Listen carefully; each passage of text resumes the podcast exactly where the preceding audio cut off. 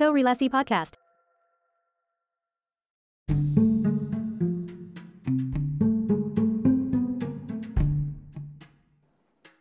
Halo, ketemu lagi di Korelasi, satu obrolan podcast yang akan ngobrol seputar arsitektur dan kaitannya eh, dengan berbagai aspek dalam kehidupan. Kali ini sangat spesial, kita kedatangan satu tamu yang berkonsentrasi spesifik awalnya di salah satu software pendukung uh, desain arsitektur. Kita ketemu, rencananya ada dua, ada Edward dan nanti mungkin akan bergabung Yohanes Edwin dari Atelier BIM. Topik yang akan kita ngobrolin kali ini adalah kaitan arsitektur dengan aspek BIM itu sendiri. Halo Edward. Halo Pak Reddy. Apa kabar? Wah, luar biasa. Bapak sendiri bagaimana Pak? Baik, baik, baik. Masih sehat-sehat selalu. Sekarang lagi Ya. di Jakarta kan ya, Edward ya? Iya Pak, sekarang kita di Jakarta. Oke. Fokus di sini, masih di sini lah. Oke. Eh, mungkin sedikit prolog dulu. Jadi kenal Edward ini walaupun dari Jakarta ketemunya di Surabaya gitu ya. Karena Edward sendiri bergabung di profesi arsitek di Petra. Agak-agak unik sih pada saat itu karena eh, mostly biasanya mahasiswa PPR tuh dari Petra atau kalaupun dari luar Petra itu dari sekitaran Surabaya gitu. Nah ini Edward dari jauh-jauh dari Jakarta dari Untar ya kalau nggak salah eh, gabung ke Iya. PPR di PPR jadi kenal dan lain sebagainya. Nah, mungkin eh, sebagai prolog awalan cerita, eh, boleh nanya-nanya dulu terkait Edward sendiri ini eh, ke arsitektur itu em, hal yang sudah disadari dari kecil atau mungkin eh, dalam perjalanan itu baru mulai muncul. Mungkin boleh sharing sedikit. Oke, jadi sebenarnya eh, perjalanan arsitektur saya tuh saya menemukan saya ingin menjadi seorang arsitek itu dari saya 4 SD. Jadi dari saya mulai kecil itu saya udah udah sudah menemukan kalau arsitektur dunia arsitektur itu passion saya. Hmm. karena saya ada satu sosok eh, sosok yang sosok seorang arsitek yang itu selalu ngebina saya dari saya kecil selalu ngajakin saya ke proyek selalu eh, memberitahu tentang dunia arsitektur seperti ini bagaimana melihat sebuah arsitektur itu seperti ini. Hal itu yang selalu memotivasi saya untuk harus jadi seperti dia atau lebih dari dia Oh, jadi dari mulai dari mulai saya 4 SD saya memang udah punya cita-cita untuk saya menjadi seorang arsitek. Dan itu terus saya bawa sampai detik ini. Kalau saya tetap ingin menjadi seorang arsitek. Hal itu yang juga membuat kenapa saya ngambil PPAR. hmm. Itu karena itu.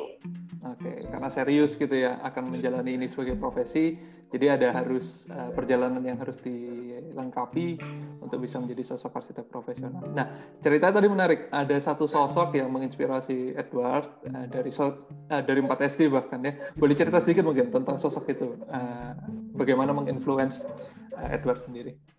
Jadi eh, sebenarnya sosok itu tuh eh, paman saya sendiri, om saya sendiri. Dia cukup eh, lama juga bergumulat di bidang arsitektur. Mungkin kalau ya teman-teman semua pada tahu eh, dia punya biro namanya HMP. Jadi dia tuh eh, nama panjangan singkatan dari Heru Mudito Prasetyo. Nah dia tuh waktu eh, waktu saya 4 SD dia tuh masih di jenjang perkuliahan. Oh, oke. Nah, dia waktu dia masih waktu di level masih kuliah itu, saya suka mampir ke kosannya dia, dia selalu lagi bikin maket. Hal itu yang menarik menarik saya tuh kalau wah ternyata arsitek itu nggak cuma menggambar tapi bikin maket. Ada Hmm. satu bentuk yang terlihat gitu. Walaupun kayak wah masa-masa saya kecil itu ngerasa itu kayak sebuah mainan gitu. Hmm. Sebuah bentuk bangunan yang itu mainan Miniatur gitu ya. miniatur betul. Terus seiring berjalannya waktu, begitu saya mulai eh, kelas 5 atau kelas 6 SD, karena biasa Sabtu Minggu tuh suka kita nggak punya kegiatan, Hmm. saya suka di rumah, tiba-tiba om saya itu datang terus ngajakin mau ikut ke project nggak mau dia. Oh, Nah hal walaupun dia masih kuliah ada project-project kecil dia tuh ngajakin saya ke project. Hal itu yang membuat saya dari sedini mungkin melihat project di lapangan itu seperti apa. Jadi ada oh ada tukang-tukangnya, ngobrol sama tukang, walaupun saya waktu itu masih belum mengerti, jadi cuma main-main doang lihat-lihat. Tapi hal itu udah udah membuat saya tuh oh dunia arsitek tuh seperti ini cara cara cara dia memberitahu oh kalau ini tuh ini dinding namanya ini hmm. kolom segala macam hal itu yang membuat membuat ada pondasi dasar semenjak saya pakai itu dipupuk dari situ ah I see. Jadi kesempatannya itu muncul karena um, ada keminatan dari dalam diri ya karena melihat market uh, yang uh, miniatur bangunan yang begitu menarik gitu ya karena kita creating something dan ada uh, pendukung si sosok paman yang adalah sebenarnya arsitek uh, terkemuka juga ya di Indonesia. Iya uh, cukup si terkemuka. Pak Heru Mudito. Um, dari HMP sendiri itu um, maksudnya dari ceritanya apakah kemudian yang memaksa Edward juga untuk mengambil perkuliahan di arsitektur? Maksudnya oh ayo jadi arsitek gitu dipaksa banget gitu sama si paman atau sebenarnya itu uh, kesadaran pilihan Edward sendiri? Sebenarnya karena memang sudah dipupuk dari kecil hari itu membuat kesadaran saya sendiri untuk memilih arsitektur tuh sebagai jalannya sebagai passion sebagai jalan jadi karena itu dia sudah tahu pilihan saya dari mulai mulai SMP itu saya udah yakin saya mau masuk uh, arsitek. Jadi saya sampai mau nggak mau karena saya juga lemah di uh, lemah di menghafal kan di IPA harus IPA dulu jadi menghafal ya. melemah terus mau nggak mau itu resiko yang harus saya ambil karena uh, untuk bisa masuk ke arsitek dulu itu minimal harus jurusan IPA gitu Betul. nggak mau saya SMP ngebus untuk harus dari mulai SMP untuk mulai harus menyukai mata mata bidang IPA next ke SMA saya udah harus dari SM biasanya SMP SMA 2 itu mulai penjurusan. Saya mau nggak mau harus bekerja keras di SMA 1 untuk masuk IPA demi bisa masuk arsitek. Dengan itu saya sadar begitu saya masuk saya tahu kuliah itu nggak nggak segampang yang saya pikirkan. Harus lebur-lebur terus. Tapi itu memotivasi saya karena uh, paman sendiri Pak Heru sendiri itu selalu mendorong mempush supaya kamu tuh bisa lebih dari ini. Hmm. ini tuh eh, ini kamu tapi ini masih bisa lebih dari itu. Itu mempus mempus mempus yang membuat pilihan hidup ini itu jadi yang memang yang terbaik walaupun dengan segala risiko dan konsekuensi yang ada gitu. Oh, oke. Okay. Nah, um, dari pengalaman sosok uh, arsitek ya yang memulai uh, dunia arsitektur di perkuliahan, uh, dari kacamata saya sendiri sebagai salah satu sosok pengajar begitu ya, uh, melihat uh, mahasiswa arsitek uh, atau mahasiswa arsitektur gitu ya, beberapa itu bahkan di jenjang pertama itu sudah sangat kelihatan menonjol gitu. Nah, kalau ditelaah kembali biasanya sosok-sosok yang menonjol ini biasanya ada background uh, arsitekturnya, entah orang tua, entah uh, paman seperti Edward gitu ya. Nah, uh, dari Edward tadi diajak ke proyek, diajarin ini dinding, ini atap dan lain sebagainya. Berpengaruh nggak sih di dunia perkuliahan? Uh, waktu saya yang saya rasakan, saya alami waktu awal pertama kali kuliah, secara nggak langsung saya merasakan uh, ada beberapa mahasiswa-mahasiswa yang punya pondasi dasar karena mereka balik lagi seperti Bapak bilang punya background ada keluarganya yang jurusan arsitek atau sipil. Secara dari awal tuh mulai mulai kelihatan oh dia mengerti, oh dia nggak kayaknya kurang mengerti caranya nangkepnya susah. Ada yang wah gampang banget nih dia udah tahu cara cara gambar, cara apa. Dari awal kita bisa suka gambar teknik yang betul gimana. Nah itu banyak kelihatan nih mana mahasiswa yang menonjol, mana mana mahasiswa yang menonjol. Nah seiring berjalannya kelihatan mana yang menonjol di push, mana yang menonjol tapi lama kelamaan itu bukan jalannya mungkin karena tuntutan segala macam ya. ya. Betul pudar. Jadi ujung-ujungnya di begitu lulus ya dari sekian banyaknya yang menonjol di awal paling cuma menonjol-menonjol yang itu yang uh, apa namanya yang akhirnya memang berpassion di bidang arsitek. Hmm. Oke. Okay. Nah, kemudian dari dunia perkuliahan sendiri ada ada momen nggak, uh, Edward? Karena beberapa dari obrolan yang di episode-episode sebelumnya nih, ada yang yang mendapatkan momen uh, teryakinkan sebagai uh, memilih arsitektur sebagai profesi itu ada di perkuliahan, ada setelah lulus dan lain sebagainya. Nah, di di waktu perkuliahan yang Edward lalui sendiri itu adakah momen yang oh ya ini yang bikin aku makin yakin di arsitektur? Dulu sih sempat ada di semester tengah eh iya tengah perkuliahan itu di semester keempat tahun kedua gitu hmm. saya ngerasain ya begitu tingkat naik level kan project mulai besar, semakin besar semakin kompleks. Saat itu sempat sebenarnya ada keraguan di dalam diri itu apakah aku bisa ya misalkan ngelewatin ini dengan dengan kemampuanku saat itu. Tapi eh, dengan seiring berjalannya waktu, orang-orang keluarga, paman, teman-teman kuliah yang mensupport hal itu tuh jadi kayak semakin des itu tiba-tiba kayak walaupun udah sempat down, sempat oh, okay. ya, sempat udah bener-bener jatuh gitu. Ini uh, walaupun ya, misalnya nilainya ya cukup lah, tapi kayaknya nggak puas gitu. Tiba-tiba tuh des ngubah semuanya jadi mau nggak mau saya harus ngepush lagi sampai ke sampai ke level yang yang saya harus lebih dari ini. Itu membuat saya sengaja memundurkan kuliah setengah tahun demi ngambil semua mata kuliah yang saya belum ambil. Oh, okay. Jadi karena kalau di uh, dulu di universitas saya hmm. waktu S1 tuh uh, kita bisa ngambil SKS yang pilihan. Hmm. Jadi ada pilih beberapa mata kuliah pilihan yang kita bisa ambil. Nah, mata kuliah pilihan yang saya bisa ambil itu awalnya memang karena uh, setiap semester cuma dapat satu dua jenis satu dua jenis akhirnya next ke depan saya ngambil sisanya saya nggak bisa ngambil hmm. jadi saya bisa dapat uh, kira-kira 6 sampai 7 mata kuliah lagi tambahan. Nah, hal itu membuat membuat uh, makin termotivasi nih. Gitu. Saya udah ngambil mata kuliah yang banyak memang karena bukan ya ada kebutuhan untuk ada yang nilai bisa diperbaiki, uh-huh. tapi di situ ilmu ilmunya belum cukup nih. Saya merasa kayak harus banyak yang saya harus pelajarin. Jadi semakin banyak mata kuliah yang saya bisa ambil, semakin baik. Walaupun konsekuensinya kuliah saya mundur setengah tahun nih. Hmm. Jadi itu kurang lebih saya harus uh, biasanya 149 apa 151 saya tuh lulus SKS tuh sampai 155 SKS. Oh. Jadi, jadi lebih memang kan ya? Iya, karena dari tengah tahun itu ngepush langsung. Jadi ambil semua takdir yang bisa saya ambil. Yang waktunya nggak tabrakan. Jadi hmm. semua mat semua mata kuliah jadwal satu hari itu padat dari pagi sampai sore itu full kuliah terus. Nah itu hmm. ya jadi sampai sampai detik itu udah benar-benar berubah jadinya makin seneng. Oh, Oke. Okay.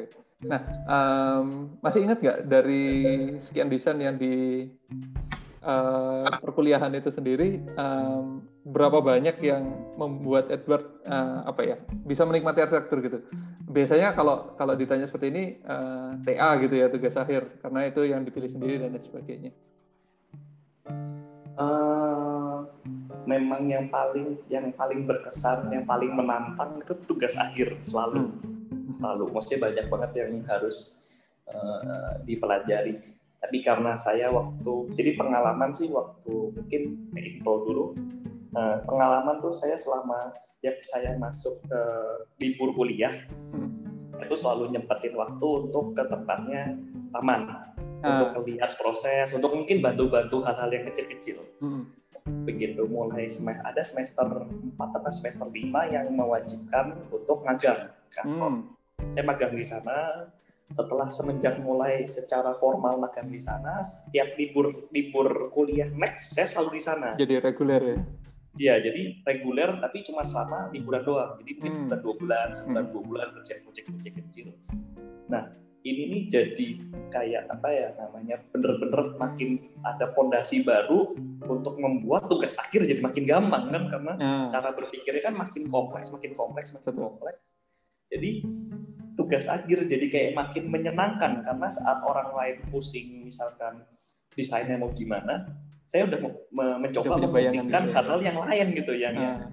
harusnya step ini tuh udah bisa dilewatin kalau step yang berikutnya jadi tantangannya makin baru karena begitu kita punya punya hal baru yang kita bisa sodorkan ke misalkan ke dosennya atau ke asisten dosennya hal ini kan akan menimbulkan masalah-masalah yang baru, nah, baru. Nah, masalah-masalah baru ini menantang gitu oh kalau misalkan kita belum ngomongin misalkan ngomongin kolom gitu begitu next ke depannya saya udah ngomongin sambungan kolom sama balok mau gimana kan berarti tantangannya cara hmm. misalkan cara nutupin sambungannya gimana ya harus hmm. pakai apa ya nah itu tantangan hmm. baru yang mau nggak mau jadi makin wah seru nih gitu ya gimana nguliknya gitu jadi dan karena uh, bisa mempres semua pengetahuan ke awal saya punya banyak waktu di tugas akhir itu untuk banyak explore macam-macam hal-hal seperti itu Oh, okay.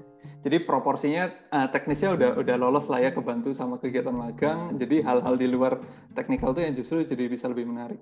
Nah, uh, tadi di awal kita uh, mention ada Yohanes juga gitu ya akan bergabung di tengah-tengah. Halo Yohanes.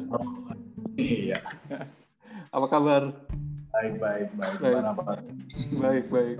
Uh, tadi kita sempat ngobrol sedikit dengan Edward di awal uh, perkara perjalanan arsitektur gitu ya. Uh, Edward uh, di dimotivasi oleh sosok paman yang kemudian menjadi apa ya motor untuk uh, meyakinkan diri Edward untuk oke okay, berkonsentrasi di arsitektur dan memilih arsitek sebagai profesi. Nah perjalanan Yohanes uh, sendiri mungkin boleh diceritain uh, kesadaran terkait arsitektur ini sebagai sesuatu yang akan dipilih sebagai profesi itu sejak kapan? Tadi Edward sempat mention sih, uh, rasanya perjalanan Yohanes gak terlalu beda sama Edward gitu, sama-sama di universitas yang sama dan lain sebagainya.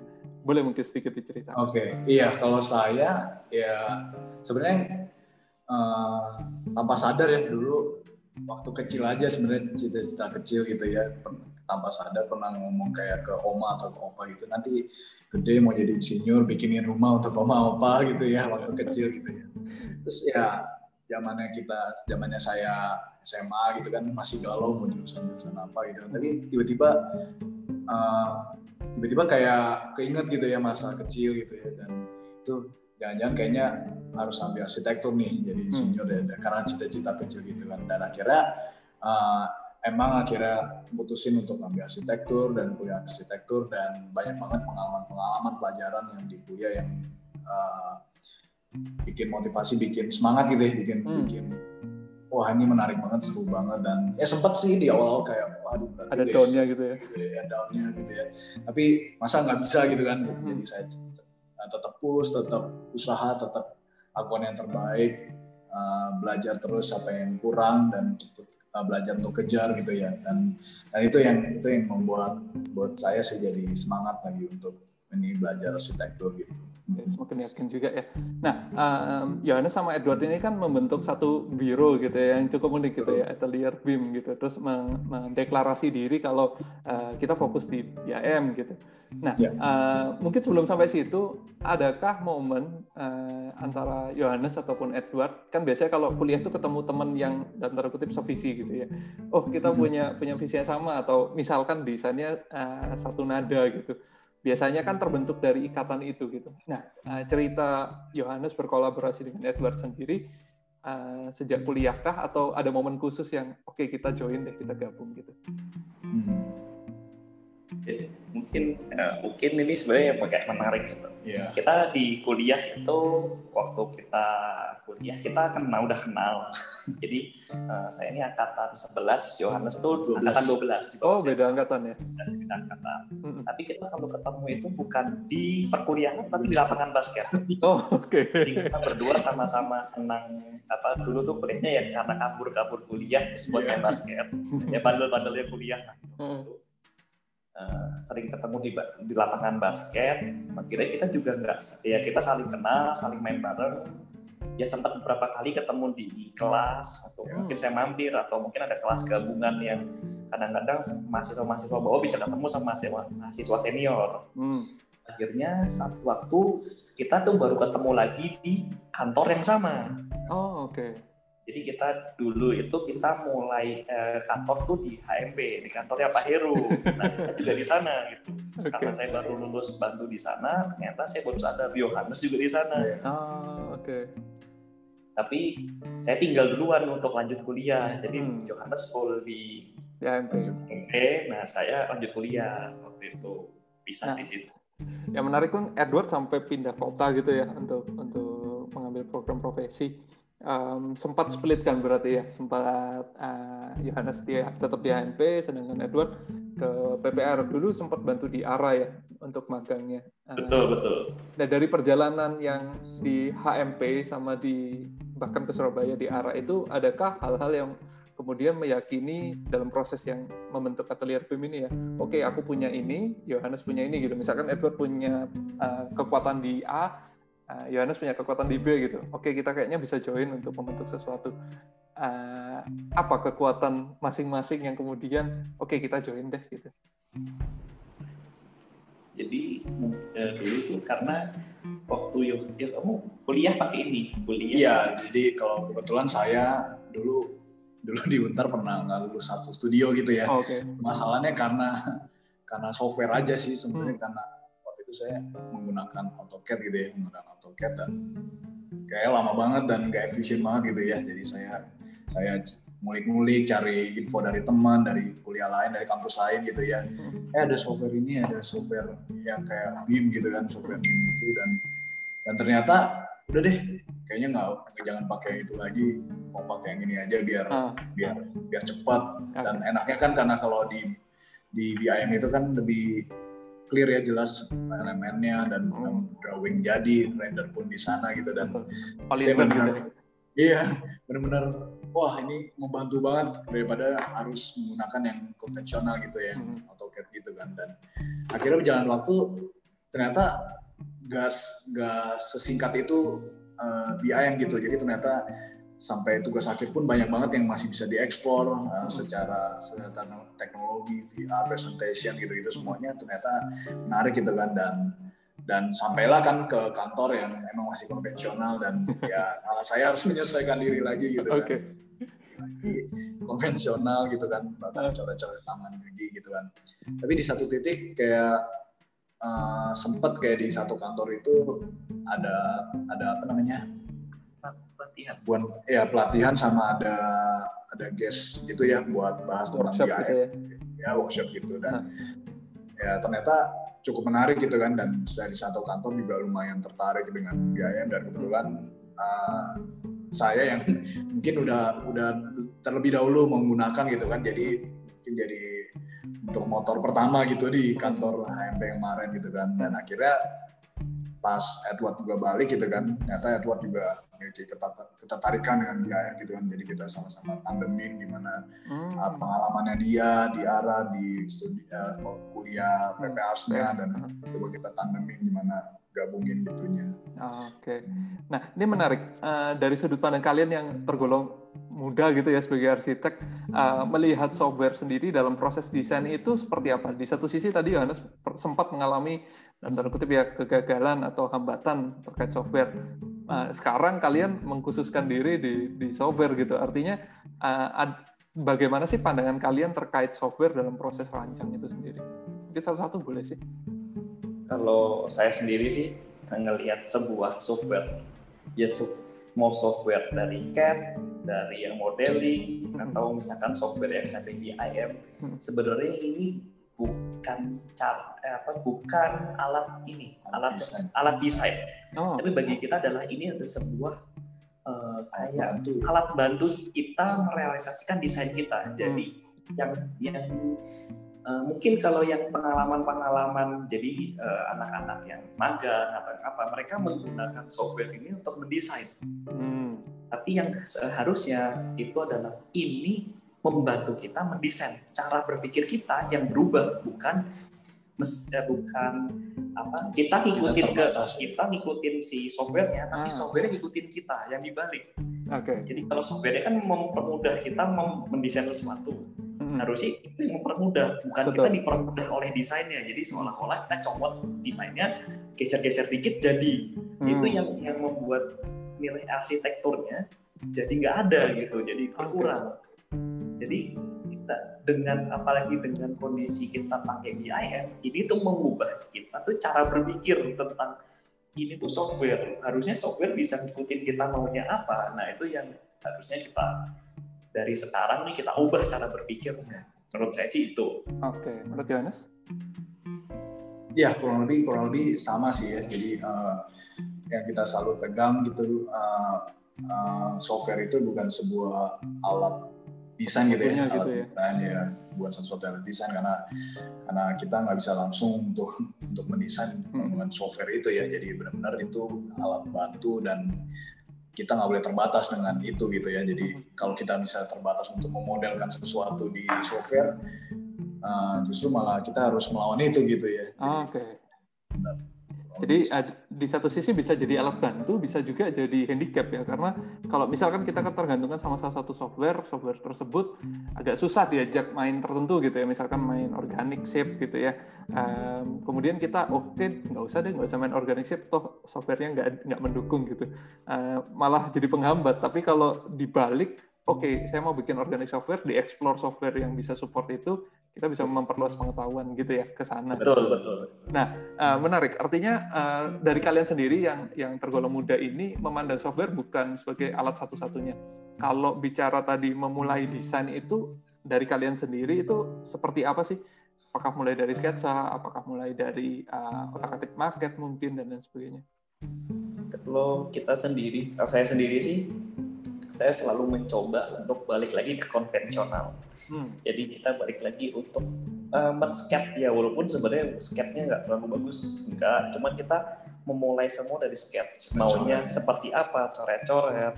Terus kita uh, dari coret-coret itu dengan pengetahuan uh, standar-standar arsitektur kita mulai nge-grid hmm. untuk sebuah ininya sistemnya kalau kita mau bikin apa gridnya kira-kira harus berapa harus apa kira-kira kebutuhan ruang untuk ini kira-kira berapa kita baik lagi ke tangan kita coret-coret untuk uh, misalkan uh, total total letak ruangnya program ruangnya mau apa targetnya siapa mau sistemnya seperti apa. Baik lagi sebenarnya kita juga tetap menggunakan ilmu dasar arsitektur waktu kita kuliah untuk kita mendesain.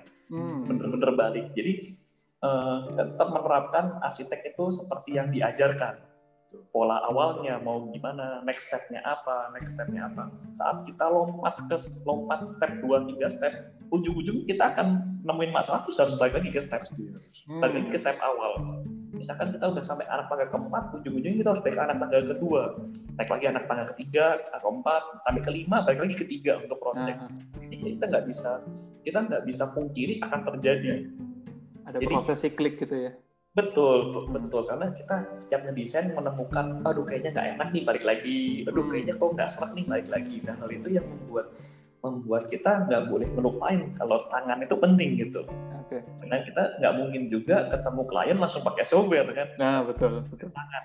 Hmm. Minimal walaupun jelek, oh kebayang nih kliennya nih kita mau seperti ini gitu. Mungkin ruangannya seperti ini segala macam. Nah hal itu yang penting banget nih harusnya dari dari mulai kuliah nih udah dipupuk begitu lulus jangan ditinggalin gitu menurut kita hmm. gitu.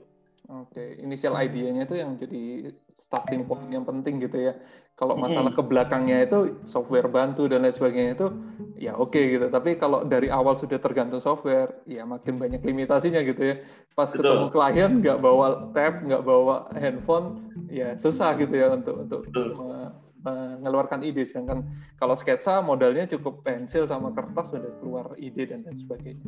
Nah, yang menarik tadi dari perjalanan sebetulnya uh, kalian sempat di HMP gitu ya di kantornya Pak Her. Tadi Anda sempat mention juga kalau ini kantor yang uh, sebenarnya masih konvensional gitu ya. Memulai proses desainnya itu uh, alurnya itu mungkin alur lama gitu. Sedangkan uh, mungkin boleh diceritain uh, atelier BEM ini apa gitu ya dan adakah pengaruh dari pengalaman di HMP? Mungkin ya. silakan. Ya, kalau atelier BIM pasti ya kita kan backgroundnya juga dari HMP pasti banyak uh, ilmu-ilmu dan pengalaman-pengalaman pelajaran yang kita dapat banyak yang masih kita apply juga di kita gitu ya dan kalau di HMP sendiri emang konvensional gitu ya masih konvensional dan dan sampai sekarang ya sampai sekarang masih konvensional dan uh, soalnya kita juga masih kolaborasi project-project dengan HMP gitu di hmm. BIM gitu. Kita kolaborasi kita justru kita support juga di di BIM-nya gitu. Jadi khusus kita jadi khusus BIM-nya untuk HMP gitu jadi kurang lebih gitu. Dan ya mungkin uh, nah, untuk menambahkan jadi karena karena yang basic itu kita belajar di HMP kita belajar teknikal dari dari dasar cara menggambar cara melihat teknikal yang aspek yang menurut gimana ini membuat BIM ini makin powerful karena ah. jadi karena kita kita dipus untuk mengetahui itu akhirnya kita berani nih kita coba explore di BIM-nya jadi kita coba karena dia juga senang uh, dari kuliah udah mulai pakai BIM terus saya uh, karena keinginan untuk belajar BIM jadi mau nggak mau waktu itu saya juga ambil uh, nekat ngambil kuliah course untuk belajar BIM itu BIM gitu. spesialisasi itu dalam waktu kurang dari seminggu jadi oh, okay. dan uh, semua yang harusnya basic itu saya ambil mungkin sekitar 4-5 hari doang jadi hmm. Bisa dari pagi sampai malam full capek tapi saya butuh itu Kayak tadi nah, pas kuliah gitu ya, dikebut gitu. Ya, kayak, kayak kuliah lah istilahnya. Jadi, untuk belajar itu. Nah, dari basic yang udah ada, dengan kemampuan BIM yang sangat powerful, ini jadi luar biasa nih. Hmm. Kenapa nggak kita, kalau di combine, kenapa nggak kita kembangin lagi?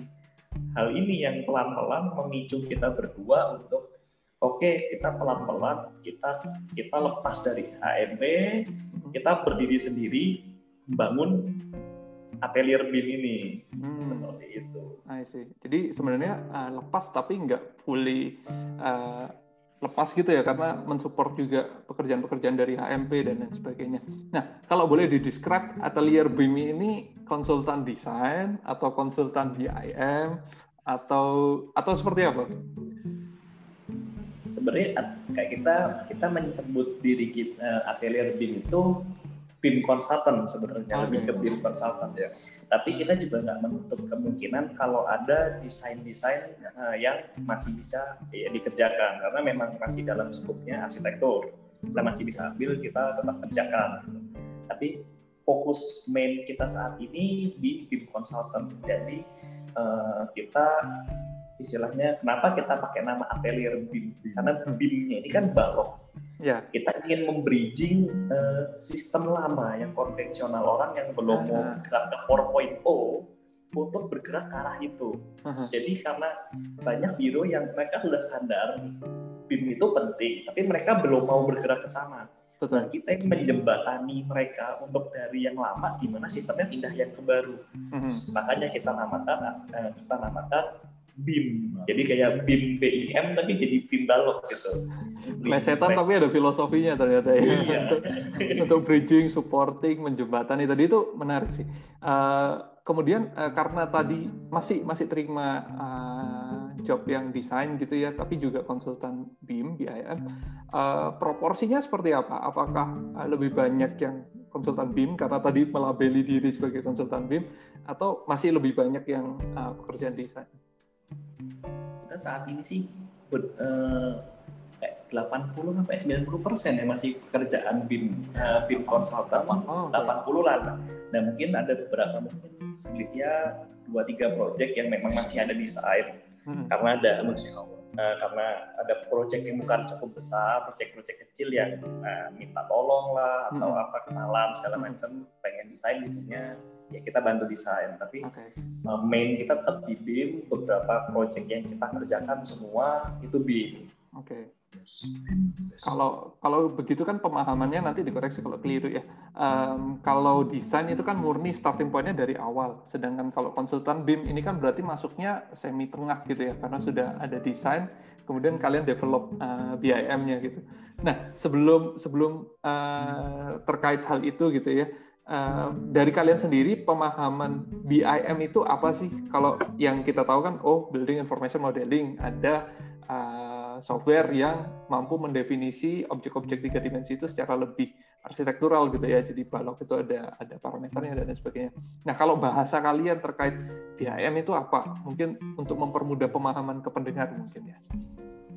Itu kayak ya, kalau BIM menurut kita ya menurut kita sebuah sistem ya sebuah sistem workflow gitu yang uh, yang integrated dan apa namanya ngomongnya apa tuh ya collaboration. Ya collaborated ah. nah, sama integrated gitu ya. Jadi kalau kita konvensional dulu kita bicara masing-masing masing-masing uh, badan bekerja sama dalam misalnya gambar masing-masing gitu ya yang hmm. tidak terintegrasi gitu ya. Kalau kita bicara BIM, kita bicara tentang integrasi dan kolaborasi gimana hmm. satu model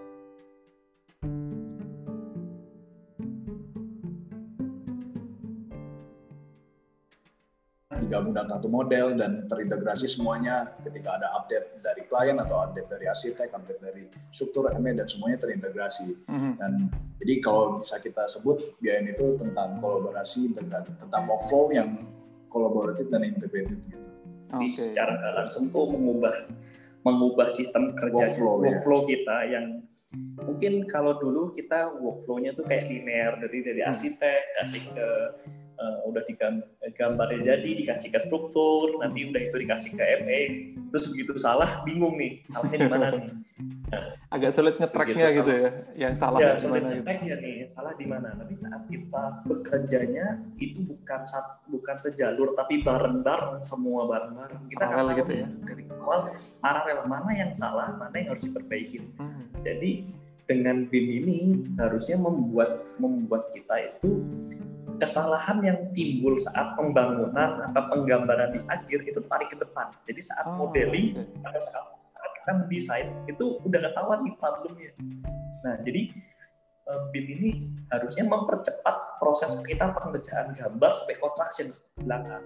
Jadi hmm. memang akan makan waktu lebih banyak di awal. Kalau sekarang kan yang sistem uh, yang banyak digunakan. Oh desain dulu, hmm. nanti begitu digambar ketemu struktur bermasalah kan, sampai udah mau sampai pembangunan, wah baru ketemu nih kenapa nih? Nah itu okay.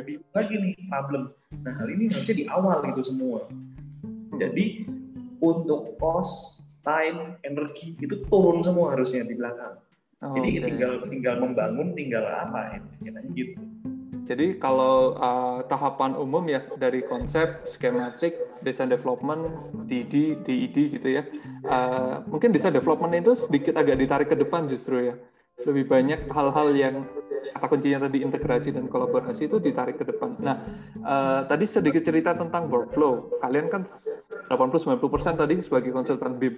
Itu berarti terima desain dari konsultan lain atau seperti apa? Jadi sistem kita tuh kalau yang sekarang kita lakukan karena memang kita lagi membantu bridging dari yang lama ke yang BIM. Jadi beberapa klien-klien kita yang arsitek, yang biro arsitek itu mereka uh, mengirimkan desain mereka ke kita dalam bentuk modeling dan CAD gambar dua dimensi. Nah dari sini biasa awal kita akan uh, bantu mereka untuk mereview karena base kita untuk menarik problemnya ke depan. Jadi kita mereview hal-hal mana yang akan menimbulkan masalah nih di belakang.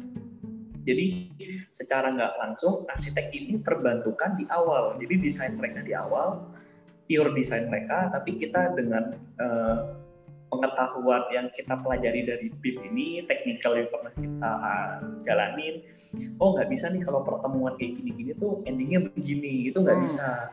Bagaimana pertemuan pelit antara keramik yang pelnya 00 sama yang pelnya minus ya, minus 5 cm ini kan ini akan berbeda. Ini gimana pertemuannya? Hal-hal itu hal-hal kecil. Teknikal ini akan kita review. Hmm. jadi secara nggak langsung membantu tim arsiteknya untuk ini tuh jangan sampai nanti udah menggambar baru ketemu masalah.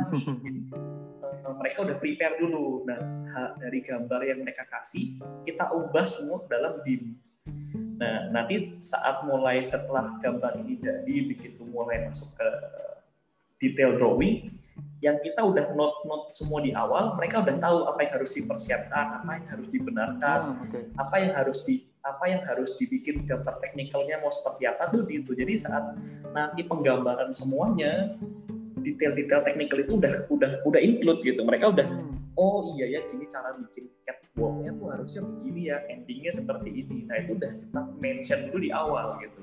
Okay. Jadi secara nggak langsung membantu tim arsiteknya untuk bisa lebih improve lagi soal desainnya. Hmm. Oh ini tuh gini, oh ini tuh, nah itu kalau dijabarkan dari sekian tahap tadi ya ada desain eh sorry dari konsep skematik desain development sama DED itu uh, Berarti di tahap yang mana kalian masuk ke desainnya konsultan lain itu? Di di Dika atau di skema? Kita ada project yang masuknya di, di ada yang kita masuk di Didi, kita ada yang hmm. masuk. Kita juga ada yang masuk untuk dari skematik dari awal. Okay. Jadi begitu modelnya keluar, modelnya udah di approve sama klien untuk bikin gambar tahap rencana, uh. itu di kita semua. Oh, okay. Ini model awalnya itu dikasih kita yang masih uh, rough banget, itu kita bikin gambar tahap rencana. Karena kurang lebih kita bikin gambar pengacara dengan BIM itu waktunya sangat singkat. Iya betul. Nah setelah setelah uh, gambar perancangannya keluar, mau uh, mereka detailing lagi dengan softwarenya model, nah kita udah punya base gambaran kalau base modelnya awal tuh seperti ini gitu. Jadi saat mereka ada perubahan-perubahan terkait detail desainnya, DD-nya, ya kita tinggal ngeplok ke gambar yang udah ada nih. Jadi ah. menghemat pekerjaan gitu di ending. Oke. Okay. Nah itu Jadi, kalau yang dari skematik. Bikin bikin base model di BIM-nya dulu ya sebetulnya ya, karena itu nanti bisa jadi ke mana-mana gitu ya, mau jadi gambar kerja, mau jadi uh, koordinasi ke struktur, MIP dan lain sebagainya. Nah, uh, ya di setor ke kalian tuh biasanya apa? Apakah auto file AutoCAD, apakah file SketchUp gitu ya yang yang normal dipakai orang kan kebanyakan SketchUp tuh. Yang mana? Iya, kurang lebih sih rata-rata masih konvensional ya SketchUp dan AutoCAD Nah, paling ya kalau emang nanti ke depannya ada waktu kita prosesnya ada butuh uh, detail-detail ya biasa mereka coret-coret pun ya kita juga support gitu kan mereka coret-coret. Coret tangan baik coret tangan pun kita juga masih terima. Iya. Selama, selama jelas aja selama jelas itu kita masih terima coret tangan. Karena kan kadang-kadang ada detail yang susah dibikin di CAD lama nih. Coret hmm. tangan kan lebih enak tinggal hmm. coret-coret maunya begini sistemnya jaraknya sekian-sekian material ini. Itu baik tangan kita juga terima karena involved di, di di proses desain gitu ya. Uh, apakah sebagai konsultan BIM ini jatuhnya lebih kayak in-house architect gitu ya? Kalau misal contoh ya kalau dikomparasi, let's say katakanlah untuk untuk drafter AutoCAD gitu, kan biasanya desain udah kelar, titik, terus kemudian setor, prosesnya itu terpisah. Gitu. Sedangkan kalian tadi masuknya paralel. Uh, seperti itukah? Apakah kalian uh, menjadi semacam tim dalam dalam konsultan desainnya? Secara nggak langsung kita seolah-olah jadi part of tim mereka. Betul. Ah, ah. Jadi kayak sekolah kita mengkolaborasikan diri kita dari awal. Jadi bukan kita dari awal terus pecah, terus mereka submit kita, terus kita mulai lanjutnya. Kita tuh bener-bener dari awal seolah-olah karena mereka nggak punya tim BIM. Jadi di kantor A, misalkan dia mereka nggak punya tim BIM, ada drafter. Kita tuh bener-bener nempatin nempatin posisi kita tuh ada di mereka. Hmm jadi bagaimana cara mereka memproduksi gambar, cara mereka uh, untuk ketebalan tipis garisnya mereka seperti apa. Nah kita kita kita seolah-olah di part mereka. Hmm. Begitu kita punya uh, arsitek yang lain B, ya kita akan part di mereka juga. Jadi kita akan ah. membuat membuat fondasi dasar gambar BIM-nya itu sesuai gambar yang mereka biasa produce. Jadi kalau mereka merasa, oh ini ketebelan, ini terlalu gelap, lalu apa ya kita ngejust ikut mereka. Oh, Oke. Okay. Jadi seolah-olah standarnya konsultan ya. Betul, betul. Walaupun kita punya standar kita masing-masing ya, kita punya standar sendiri, tapi aspek kita sebagai balik lagi bridging ke mereka, ya kita harus ikutin standarnya mereka. Oh, Jadi kita okay. kalau kita ada ya lima klien ya lima kita harus punya standar lima klien. Ya mau nggak mau harus kita harus kita sesuaikan gitu. Oke, okay, jadi jadi nggak ada satu SOP terkait kualitas gambar yang dikunci ya karena akan menyesuaikan sama si konsultan itu sendiri. Katakanlah biasa menggambar garis dinding itu biasanya seperti ini, tapi kalian punya standar lain tetap ya adaptasi ke yang di konsultannya itu sendiri. Kita coba aja. Kita coba aja. Jadi kita udah punya standar. Nah standarnya ini yang kita adjust ngikutin ke mereka. Jadi misalkan kalau mereka gambar dinding itu untuk gambar yang detail itu cuma kadang-kadang ada yang dua garis nggak pakai heads nggak pakai ada plesteran. Tetap bikin plesterannya tetap bikin headsnya segala macam ah. tapi tebel tipisnya ikutin mereka. Oh, oh nggak perlu kita udah bikin gini. Oh plesternya nggak perlu digambar nih cuma headsnya doang. Oke kita ikutin tapi hmm. standar kita di awal seperti itu gitu. Jadi standar yang udah kita bangun kita sesuaikan sama kebutuhannya mereka. Tapi tetap, tetap gambar itu nggak nggak. Ya kalau kita bisa gambar yang lengkap kan jauh lebih baik. Karena hmm. oh ini tuh bata ada arsirannya. Kalau misalkan kayak kita lihat dinding bata sama dinding gypsum kadang-kadang tebelnya cuma beda dikit kan. Betul. Nah kita kadang suka suka susah nih kalau udah di print itu lihat dinding apa bukan ya. Nah jadi kita punya standar oh dinding gypsum seperti ini dinding bata seperti ini. Ya. kalau dindingnya beton udah ada headsnya beton. Nah itu udah kita bikin dari dari awal. Hmm. Kan basic kalian nih arsitek nih, uh, kalian pasti punya idealisme gitu. Sedangkan tadi begitu masuk sebagai konsultan BIM, mungkin idealisme ini jauh direm ya, karena kan kalian sebagian besar menyesuaikan kepada konsultan desainnya, baik itu desainnya, even bahkan ke standar gambar yang tebal tipis, garis dan lain sebagainya. Dalam prosesnya, uh, apakah kalian masih punya kesempatan untuk uh, mengeluarkan idealisme itu. Artinya misalkan saat di develop di BIM ada detail-detail yang kayaknya bisa diginiin Pak Bu gitu. Kalau dengan BIM kan ketahuan tuh. Uh, jadi kita bisa mengeluarkan idealisme kita dalam dalam aspek desain. Masih ada nggak sih kesempatan itu atau bekerja dalam tanda kutip ya kayak robot aja? Ya udah yang masuk kayak gini, udah kita produce kayak gini gitu. Kayak pabrik lah mungkin kayak robot. Ini sih membuat dengan dengan kita bekerja dengan BIM ini malah kita lebih banyak punya lebih kesempatan banyak, ya. ya kita punya banyak kesempatan untuk mengeksplor. Kita punya uh, istilahnya ilmunya desainnya pengen seperti apa. Jadi saat kita menemukan problem pertemuan kadang kadang-kadang kita yang adjust ke eh, kita yang suggest ke mereka ini diginiin aja gitu Oke okay nggak kalau ini digini ditutup seperti ini untuk ngilangin uh, sambungannya nggak kelihatan. Mm-hmm. Nah ini kita meng, uh, suggest mereka seperti ini. Mungkin detailnya akan seperti ini pertemuannya ini ketemu ini.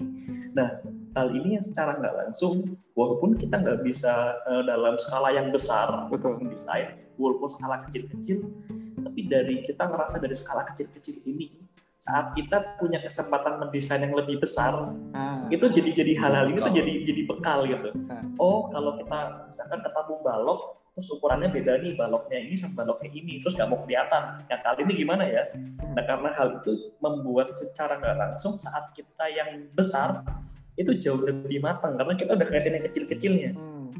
walaupun sebenarnya jadi text time karena harus mikirin kecil-kecil dulu baru jadi besar yeah, yeah.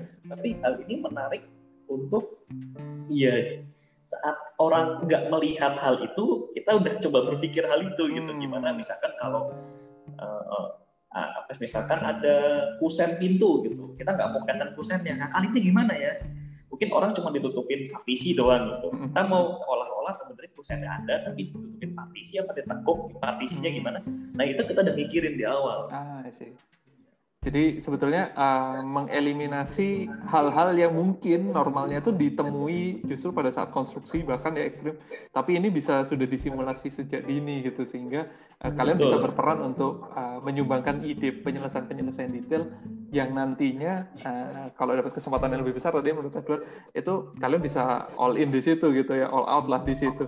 Nah, uh, yang menarik berarti kalian kalau menemukan let's say desain yang lebih makro ya kayak misalkan tatanan kamar mandi yang menurut kalian dari kacamata kalian berdua ini nggak enak tapi ya konsultannya udah mau gitu tuh ya udah diterima aja kita cuma produce gambar kok. Yang yang sampai selevel mana sih kalian bisa suggest uh, revision atau suggest perubahan desain konsultannya yang mendesain?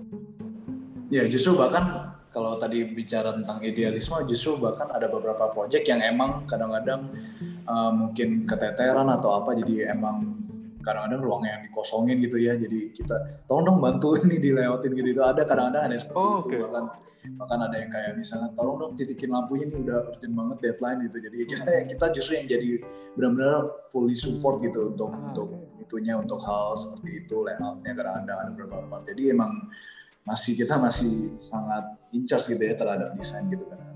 Oke. Okay. Dari kesempatan yang sudah dilalui, adakah yang kemudian eh, desainnya itu sampai dalam tanda kutip berubah cukup banyak karena dikerjakan dengan BIM? Maksudnya, oh karena dikerjakan dengan BIM, kemudian banyak penyesuaian, banyak detail-detail tadi yang mungkin jadi orang ngeh dan lain sebagainya.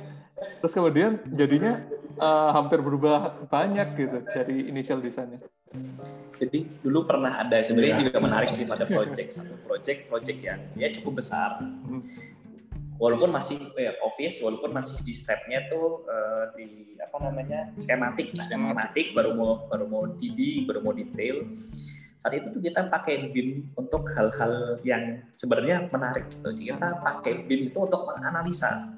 Jadi bagaimana kita menganalisa sebuah bangunan terhadap panas matahari, terhadap kelembapan udara, terhadap sirkulasi dan pergerakan angin di area tersebut. Mm-hmm. Kita cek daerah mana dari dari lahan tersebut yang kena matahari nggak kena matahari mana yang paling panas ah, kena matahari mana yang paling dingin kena matahari. Nah itu kita analisa semua. Hal ini akhirnya kita coba memberikan usulan desain baru ke kliennya. Kalau sebenarnya bangunannya itu harusnya lebih miring berapa derajat. Dibanding bangunan yang awal gitu karena dilihat dari kondisi uh, pergerakan anginnya, angin dari daerah selatan itu tuh lebih besar change-nya daripada daerah-daerah lain. Nah kalau dia tuh kok nggak salah punya dua masa. Hmm. Nah tapi ngadepnya ke utara selatan. Ini tuh lebih lebih miring berapa derajat karena dia selatan lebih miring. Ya sekitar 5 derajat gitu.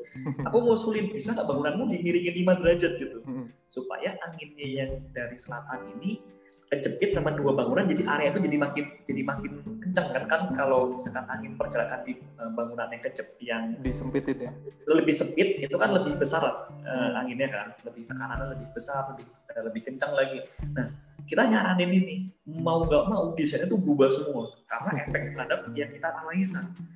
Tapi hal ini membuat membuat ada ada hal-hal baru kalau BIM itu bisa dipakai untuk di awal gitu ngecekin ah, semuanya. Jadi ya secara nggak langsung belum sampai jauh sih ya mau nggak mau akhirnya ngubah terhadap itu. Karena pas dilihat ternyata di bangunan sebelahnya ada bangunan tinggi nah area ini kalau nggak dimiringin area itu kena panas banyak. Jadi begitu dimiringin ketutupan dikit wah ini panasnya lebih lebih minimal lah lebih nggak banyak. Dia mau nggak mau jadi udah, udah sampai yang udah mau disampaikan ke klien request lagi untuk diganti karena lebih matang lagi. Ya mau nggak mau memang kayak jadi kerja kerja ulang. Desain ulang. Tapi kita bisa melihat BIM ini bisa lebih mematangkan di sebuah desain gitu hmm. jadi udah kita coba ajuin ke kliennya berani nih. Kita kita ajuin nih. Ini kayak gini pak. Dengan pertimbangan ada sebuah data dan hasil analisa yang kita yeah. coba kita coba berikan. Ya akhirnya mereka iya ya koknya kayaknya lebih baik kalau dimiringkan sedikit. Ya akhirnya mau nggak mau desainnya diubah dimiringkan. Seperti itu jadi ada ada studi yang logis ya untuk menjustifikasi alasan-alasan uh, proses perubahan desain tadi. Berarti yang disimulasi itu even bahkan sampai radius tertentu gitu ya. Berarti sekitarnya itu juga tetap di modeling untuk bisa dapat uh, analisa building performance tadi yang lebih aktual gitu ya. Betul betul. Karena bangunan sekitar ini punya dampak yang cukup besar terhadap bangunan-bangunan yang mau kita desain. Saat bangunan itu bangunan tinggi, terus bangunan kita rendah, kita harus ngakalin gimana supaya bisa kena cahaya yang cukup nih kalau misalnya bangunan-bangunan sekitar tinggi. Hal ini kita coba analisa di awal gitu. Hmm. Wah ternyata bangunan ini ngalangin nih. Cara yang paling optimal mana? Misalkan ada area yang, oh di area belakang dua lantai buat rumah tinggal karena mataharinya masih kena di sini dibanding lantai-lantai bawah. Nah itu yang membuat membuat uh, secara nggak langsung sebuah program ruang dari arsitektur itu di awal jadi bukan gara-gara wah bagusan begini tapi hasil analisa jadi membuat sebuah program baru gitu. Ah, oke. Okay. Jadi, jadi based on research gitu ya sebenarnya. Iya. Jadi kalau dulu ada form follow function, ada function follow form, sekarang kita coba terapin analisis follow function sama follow form gitu kurang oh, lebih. Okay. Jadi drive-nya itu justru si analisa itu sendiri gitu ya. Betul, betul. Karena hmm. analisa kan ada data, ada sebuah data yang jelas ini. Logis ya, oh, ya. Logis gitu. Ini setahun ini matahari berapa, matahari paling panas di mana. Mungkin dulu di perkuliahan kita tahu nih matahari paling panas di tanggal berapa, di jarak hmm. berapa, latitude-nya berapa. Nah, itu kita pakai buat basic itu. Mau nggak mau, kita masih belajar lagi hal itu tuh. Karena kan dulu mungkin kuliah, ah ya tinggal ngikutin lah arah matahari. Nah, sekarang ya mau nggak mau mataharinya di mana dulu nih, titiknya oh, Dan sekitarnya seperti apa gitu ya, itu betul, sekali betul, gitu ya. Oke. Okay. Um, alasan-alasan logis tadi rasanya masuk akal untuk jadi justifikasi perubahan desain dan justru uh, jadi lebih lebih meyakinkan gitu ya bahkan untuk ke klien bahkan ke konsultan arsiteknya juga bisa diyakinkan dengan data-data itu. Nah uh, tadi Edward sempat juga mention BIM ini menarik kalau dielaborasikan di awal bahkan hal-hal yang mendrive desain bisa bisa muncul dan lain sebagainya. Dari pengalaman kalian seawal apa sih yang pernah kalian kemudian berkolaborasi atau in charge dengan sistem BIM ini seawal apa? Maksudnya apakah even bahkan dari sketsa saja udah bisa dibimbing atau uh, tadi skematik justru bisa dibimbing atau seperti apa? Seawal apa? Kita pernah sampai di kubahan masa dari ya. awal ya. Dari kubahan masa kita pernah ikut. Kita buat analisa bentuk-bentuk meshingnya, kotak-kotak standar lah. Oh kotak ini, kotak ini, kotak ini dianalisa.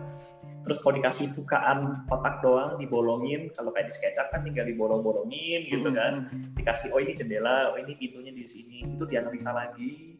Next stepnya mulai dikasih uh, grillnya segala macam atau apanya ketinggiannya di adjust dianalisa lagi itu kita beranalisa berkali-kali. Hmm. sampai akhirnya skematiknya matang karena hasil dari BIM itu. Nah, terus begitu tuh pindah ke DED segala macam oke. itu pernah kita dari awal bener-bener dari awal. Kan ada yang master plan ya kita pernah cuma cuma kontur lalu cuma base plate doang. Dari arsitek mau seberapa kita hitung cut and fill-nya supaya supaya efisien volumenya dan ya itu kita pernah juga dari awal. Hmm, Oke. jadi itu pengalaman menarik. Iya, kita punya uh, master plan yang mungkin sekitar 5 sampai 6 hektar waktu Hmm. luasannya cukup besar. Tapi problemnya karena itu aksesnya jalannya kecil mereka- uh, orang kliennya tuh nggak mau ngambil tanah dari luar. Mau ambil atau buang. atau buang keluar karena aksesnya susah dan akan kos biaya. Karena aksesnya tuh kecil banget.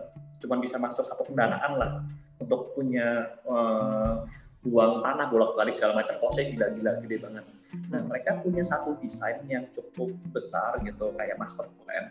Nah tantangannya adalah konturnya ini tuh terjal bener-bener terjal. Dari dari yang titik nol ada yang landai ada yang terjal. Nah Oke. gimana kita ngakalin supaya cut and fill-nya bisa sebanding? Kita pakai BIM, jadi kita modelkan semua konturnya. Kita coba eh, analogikan kalau di sini ada bangunan, cut-nya berapa. Hmm. Terus kalau harus di fill dan dipadatkan, itu seberapa persen. Oh, Dan kita kita bisa nentuin fill-nya mau di mana gitu. Jadi area A di cut, di cut terus di fill ke area A1 sama A2.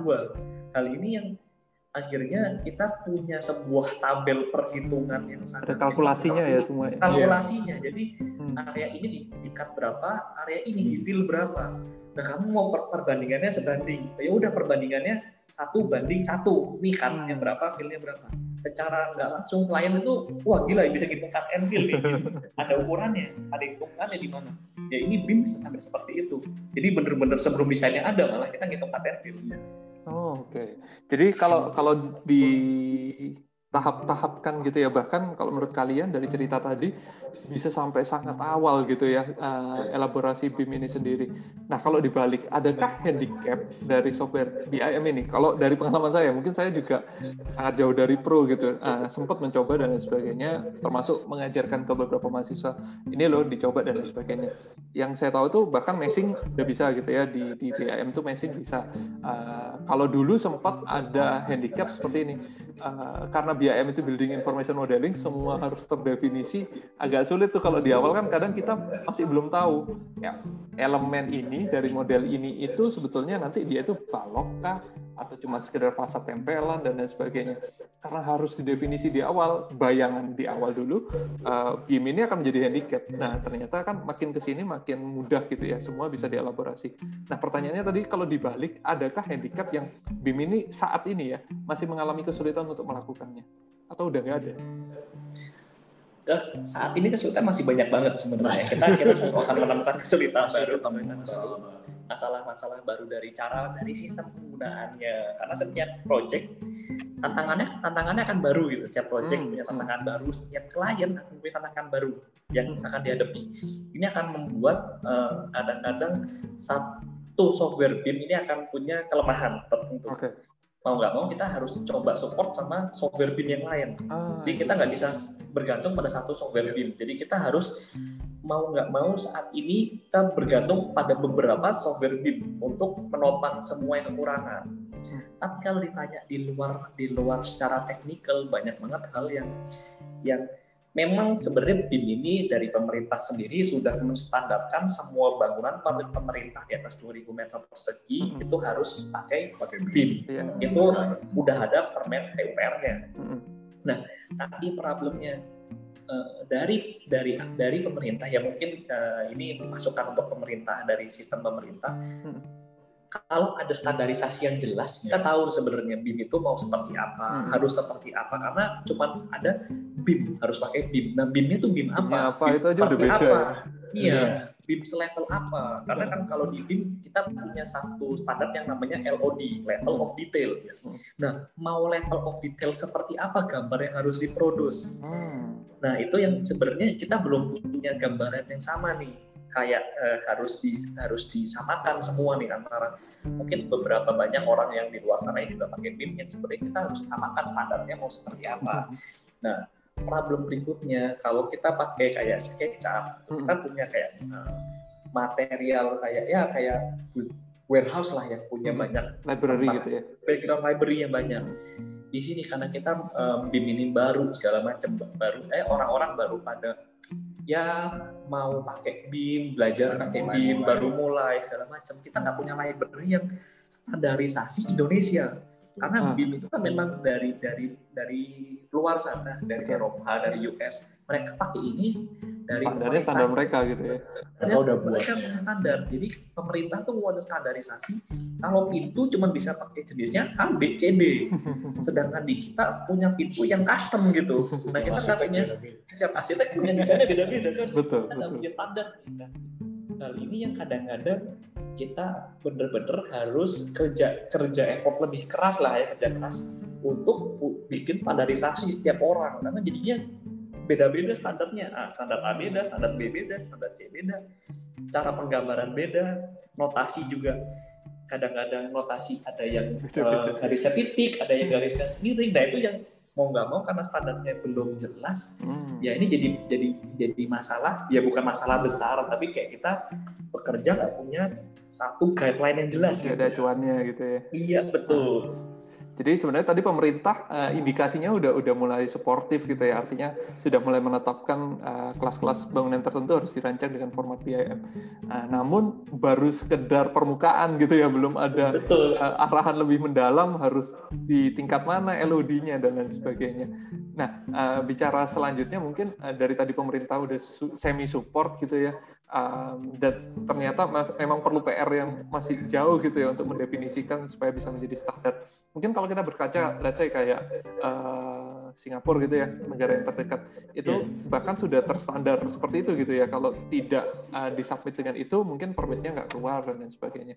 Eh, termasuk integrasi yang baik tadi kalau kata kunci BIM itu kan kolaborasi dan integrasi ke aspek yang lain. Eh, ada struktur, ada MIP. Eh, dari pengalaman kalian sendiri, berkolaborasikah dengan konsultan-konsultan struktur ataupun MIP dan sesiap apa sih mereka kalau di kondisi yang sekarang yang dari pengalaman kalian ya?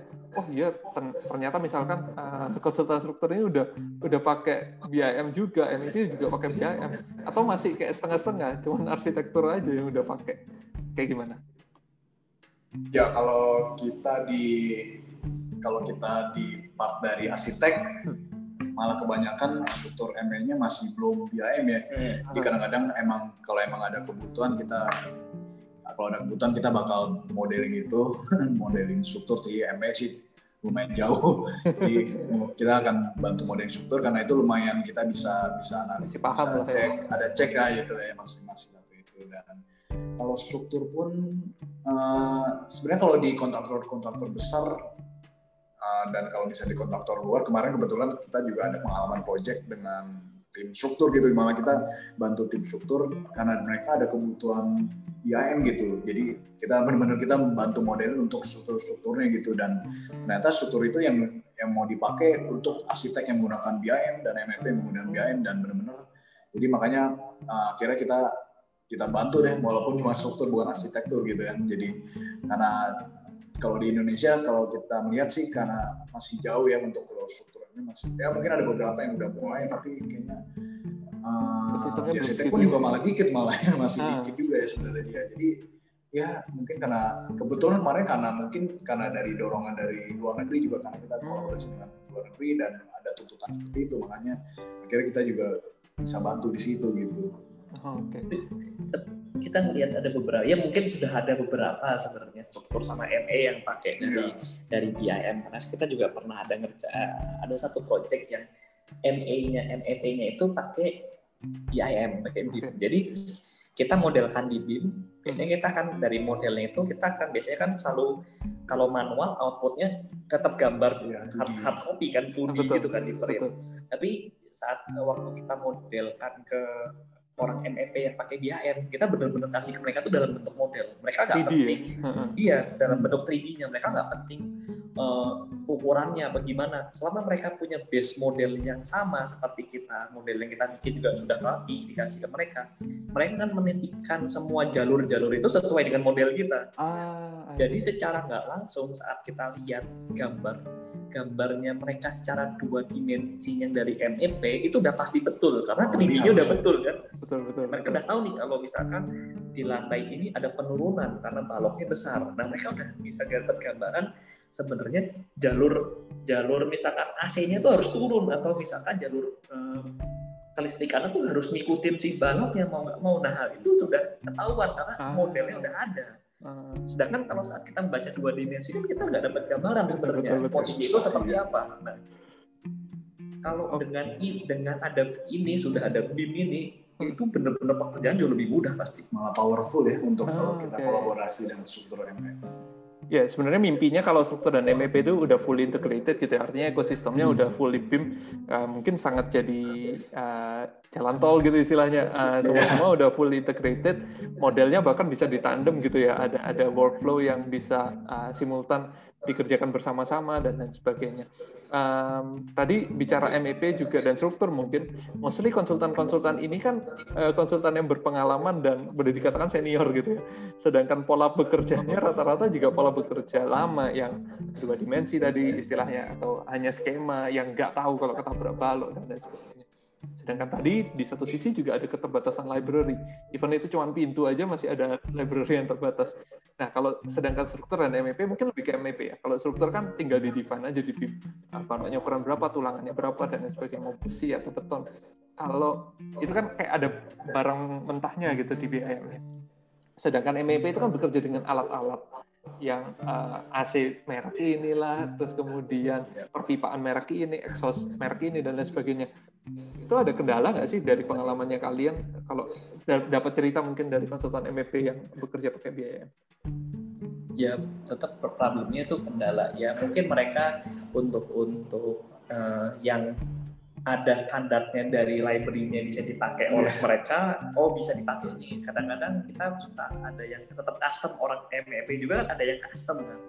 Ini rel misalkan relnya si untuk listrik yang di plafon yang digantung itu kadang relnya suka custom kan. Nah di customnya yang di library nggak ada, jadi mau nggak mau mereka mesti model model lagi sistemnya mau seperti apa.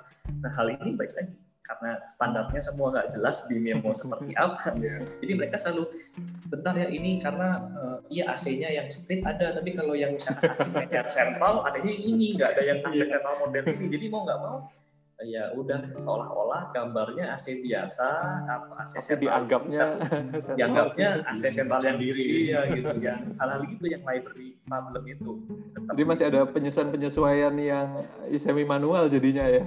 Betul, agak, betul, agak betul. dipahami bersama aja seperti itu. Nah, em, pertanyaan lanjutannya mungkin menariknya kalau bicara software BIM itu sendiri. Tadi Edward sempat bilang mengakomodasi beberapa software. Kalau yang umum kita tahu kan ada Archicad, ada Revit, bahkan beberapa itu nggak tahu ya kayak eh, Vectorworks itu kan ada BIM-nya juga sebetulnya. Eh, dari pengalaman kalian kalau di versusin nih, eh, tanpa misalkan meng- meng- mengadu merek gitu ya, tapi dari pengalaman aja, eh, kelebihannya Archicad apa, kurangannya apa, Revit apa, dan lain sebagainya. Kalau dari kacamata kalian. kita kalau kita ngelihat dari kacamata kita nih kita sebagai BIM eh, ya kita sebagai BIM consultant sendiri kita nggak menitik beratkan software ini lebih baik dibanding software yang lain tapi kita selalu melihat software ini punya kelebihan apa kekurangan apa yang ini kelebihan apa kekurangan apa Plus minusnya. ada plus minusnya yang plusnya di sini itu bisa ngecover minusnya di tempat lain minusnya Contohnya, contohnya. jadi mungkin yang kita pakai sekarang kebanyakan pakai Archicad Ya. karena kita eh, lebih banyak hmm, saat ini tuh kolaborasi sama arsitek. Mm-mm. Karena ars- eh, lebih background ars- eh, arsitek, Archicad jauh lebih secara visual lebih enak, Ya, Lebih- lebih, lebih friendly mendekat. gitu ya. ya lebih lebih user friendly, lebih terlihat eh, mendekati untuk designer gitu untuk Hmm. melihat sebuah Artistik gitu ya, lebih artistik gitu. Nah, tapi mereka lemah untuk hal-hal yang secara teknikal yang Hmm. seperti SOP, struktur mereka nggak nggak impus untuk level sana Hmm. hal ini yang membuat kita harus menggunakan software lain seperti Revit untuk mengcover hal itu karena kalau di ArchiCAD misalkan ada pertemuan kolom baja dengan balok yang baja.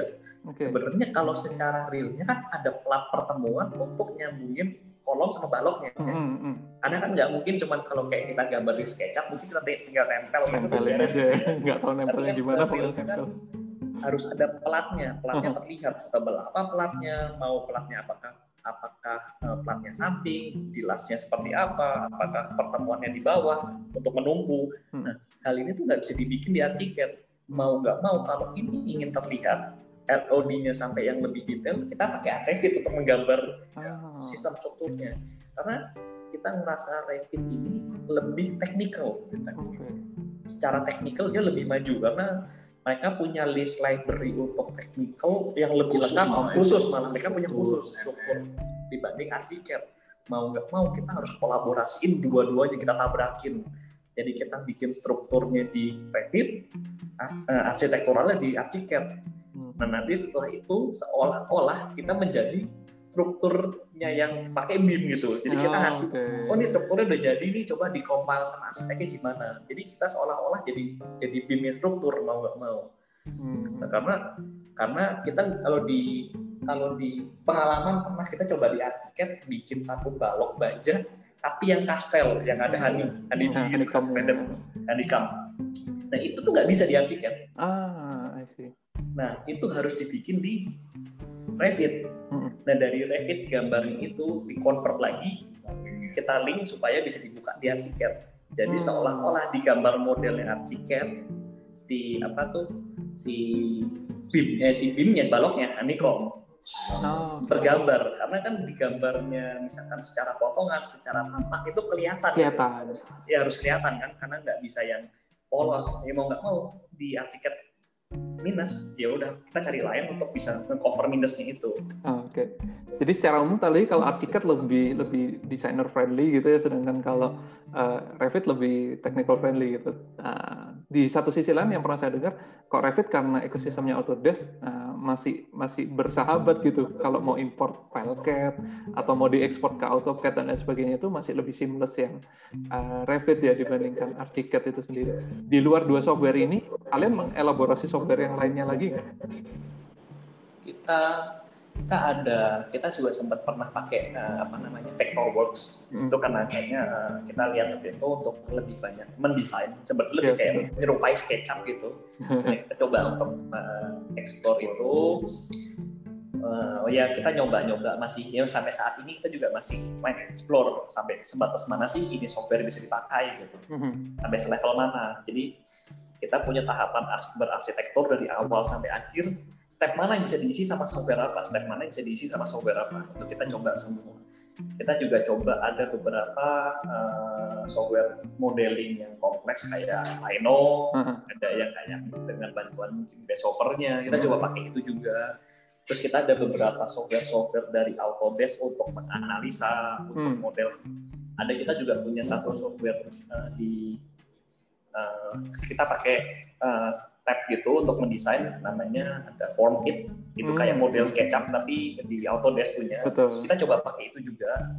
Jadi sebenarnya hampir sebagian besar software-software BIM itu kita coba kita coba explore gitu. Masih eksplorasi ya tahap. Nah, kita pakai aja entah itu harus bayar kita free trial dulu apa pakai student version kita explore semua yang kita bisa explore gitu. Ah, I see. karena eh, untuk rendering aja orang wah render bisa pakai V-Ray, pakai SketchUp. Kita coba belajar pakai Lumion, kita Hmm. coba belajar pakai apa? Twinmotion. Twinmotion. Kita coba sampai di level yang ada eh, eh, Unreal Engine. Kita juga juga udah pernah coba itu. Nah, Ada live update juga gitu ya, yang bisa Nah, langsung synchronize gitu ya. Betul. Kita mau nggak mau saat ini, apalagi kita juga eh, ngelihat yang teman-teman seperjuangan masih muda, hal ini nggak boleh menutup kemungkinan untuk kita ngelihat Ah. banyak banget software yang membantu kita untuk achieve apa yang kita mau gitu. Ah. Jadi jangan cuma wah SketchUp paling terbaik. Ya jangan eh belum tentu SketchUp yang terbaik.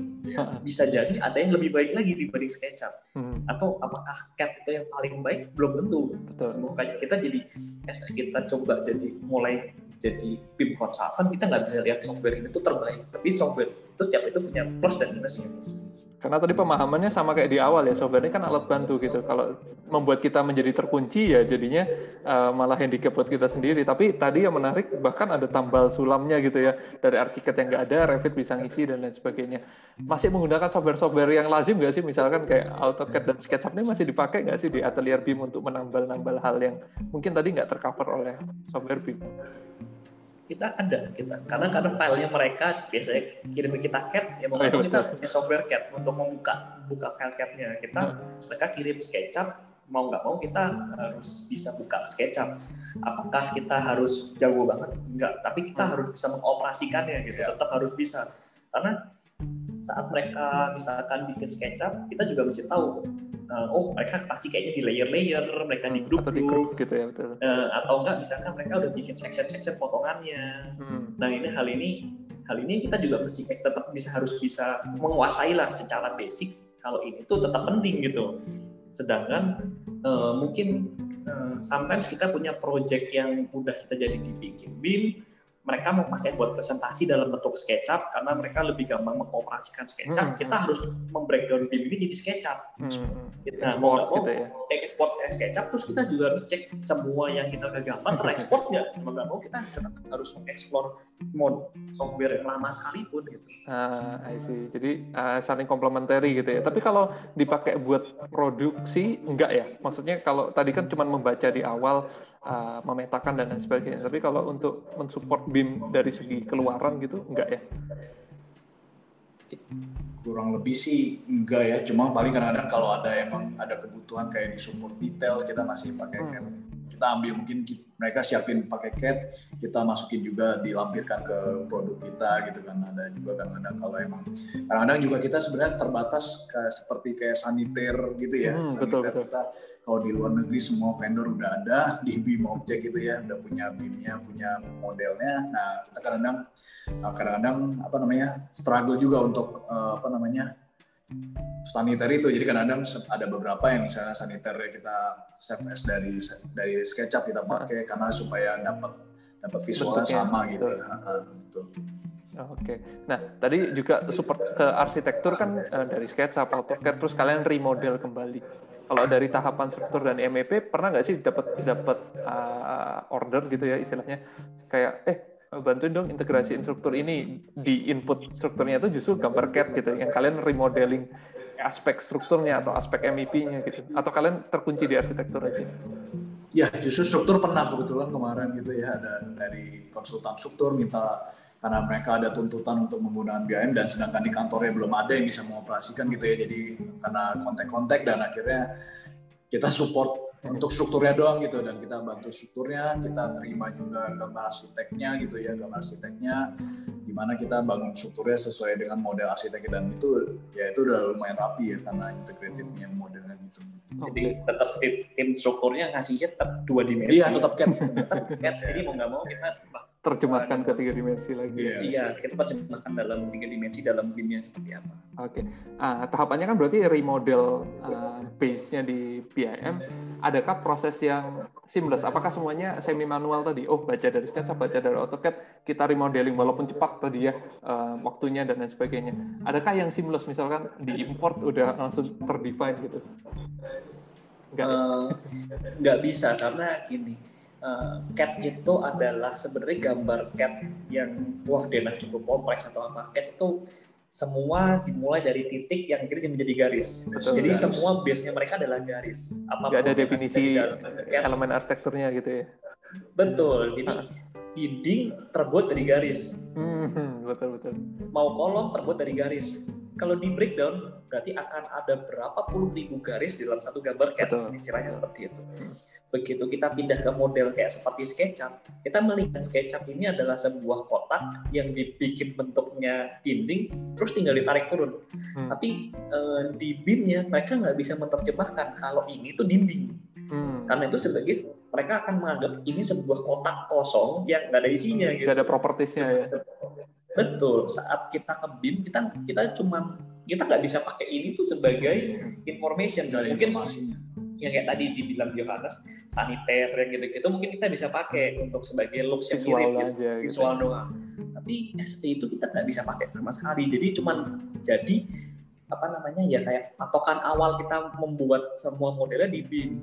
Karena saat kita mengerjakan BIM, kita membuat dinding yang udah kita siapkan library-nya, kita udah bikin batanya mau yang tebelnya berapa, 10 cm, 15 cm, 12 cm, mau yang tebelnya 30 cm, itu udah kita bikin semua di library. Ah, Jadi seolah-olah saat kita melakukan menarik sebuah dinding untuk membangun sebuah dinding, ya dinding ini udah ada informationnya kalau bata yang digunakan itu jenis bata apa, bata merah, atau batako, bata ringan, atau batanya ditidurin, atau batanya diberi. Nah itu udah information itu yang udah kita input di ah, awal.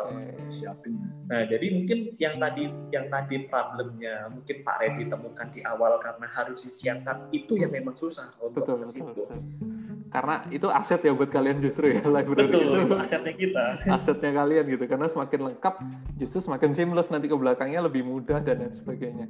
Nah tadi cerita banyak BIM terkait profesi gitu ya Ah, bisa dikerjakan ini itu dan lain sebagainya. Ah, mungkin sedikit menyinggung hal-hal yang agak sensitif sebetulnya. Ah, mungkin nggak usah dijawab nominal tapi kalau biasanya arsitektur pekerjaannya kan ah, fee-nya per meter persegi gitu ya atau persentase percentage dari construction construction fee gitu ya misalkan. Terus kemudian uh, kalau MEP juga struktur juga mostly gampang deh per meter persegi dan lain sebagainya. Uh, even kalau outsource misalkan ke tahap visualisasi, oh hitungannya uh, image atau kalau video hitungannya uh, apa, Berapa menit? menit gitu ya. Uh, kalau drafter hitungannya lembar gitu. Nah kalau konsultan BIM ini gimana ngitung fee-nya?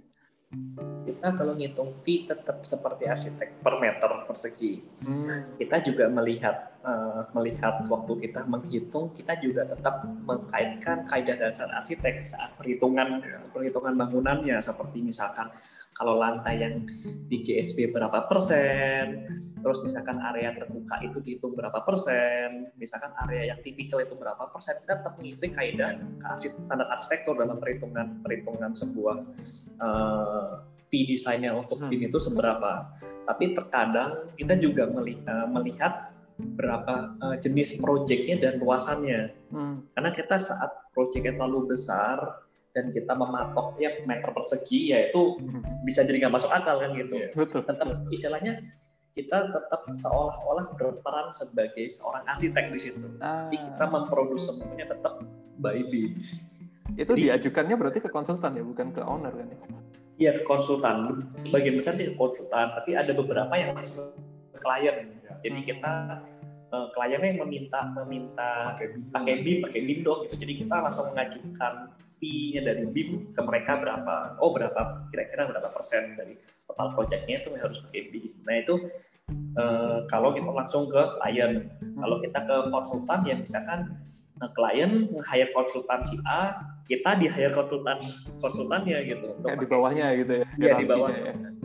Kayak, kayak tim in-house-nya gitu ya, yang Betul, kemudian mungkin betul. nanti uh, kesepakatannya uh, apakah tetap dengan konsultan itu per meter persegi atau oh ya udah deh lamsam kayak misalkan percentage dari fee-nya arsiteknya dan lain sebagainya. Oh, iya ada kita Ada sih juga yang ada yang per ya. meter persegi dan juga yang pernah kita lamsam langsung. Oh kira-kira sekian mungkin lah. Maksudnya kalau kita menghitung secara arsitekturalnya sekian, oh kalau sini kayaknya kelihatan, ya udah lamsam segini gimana?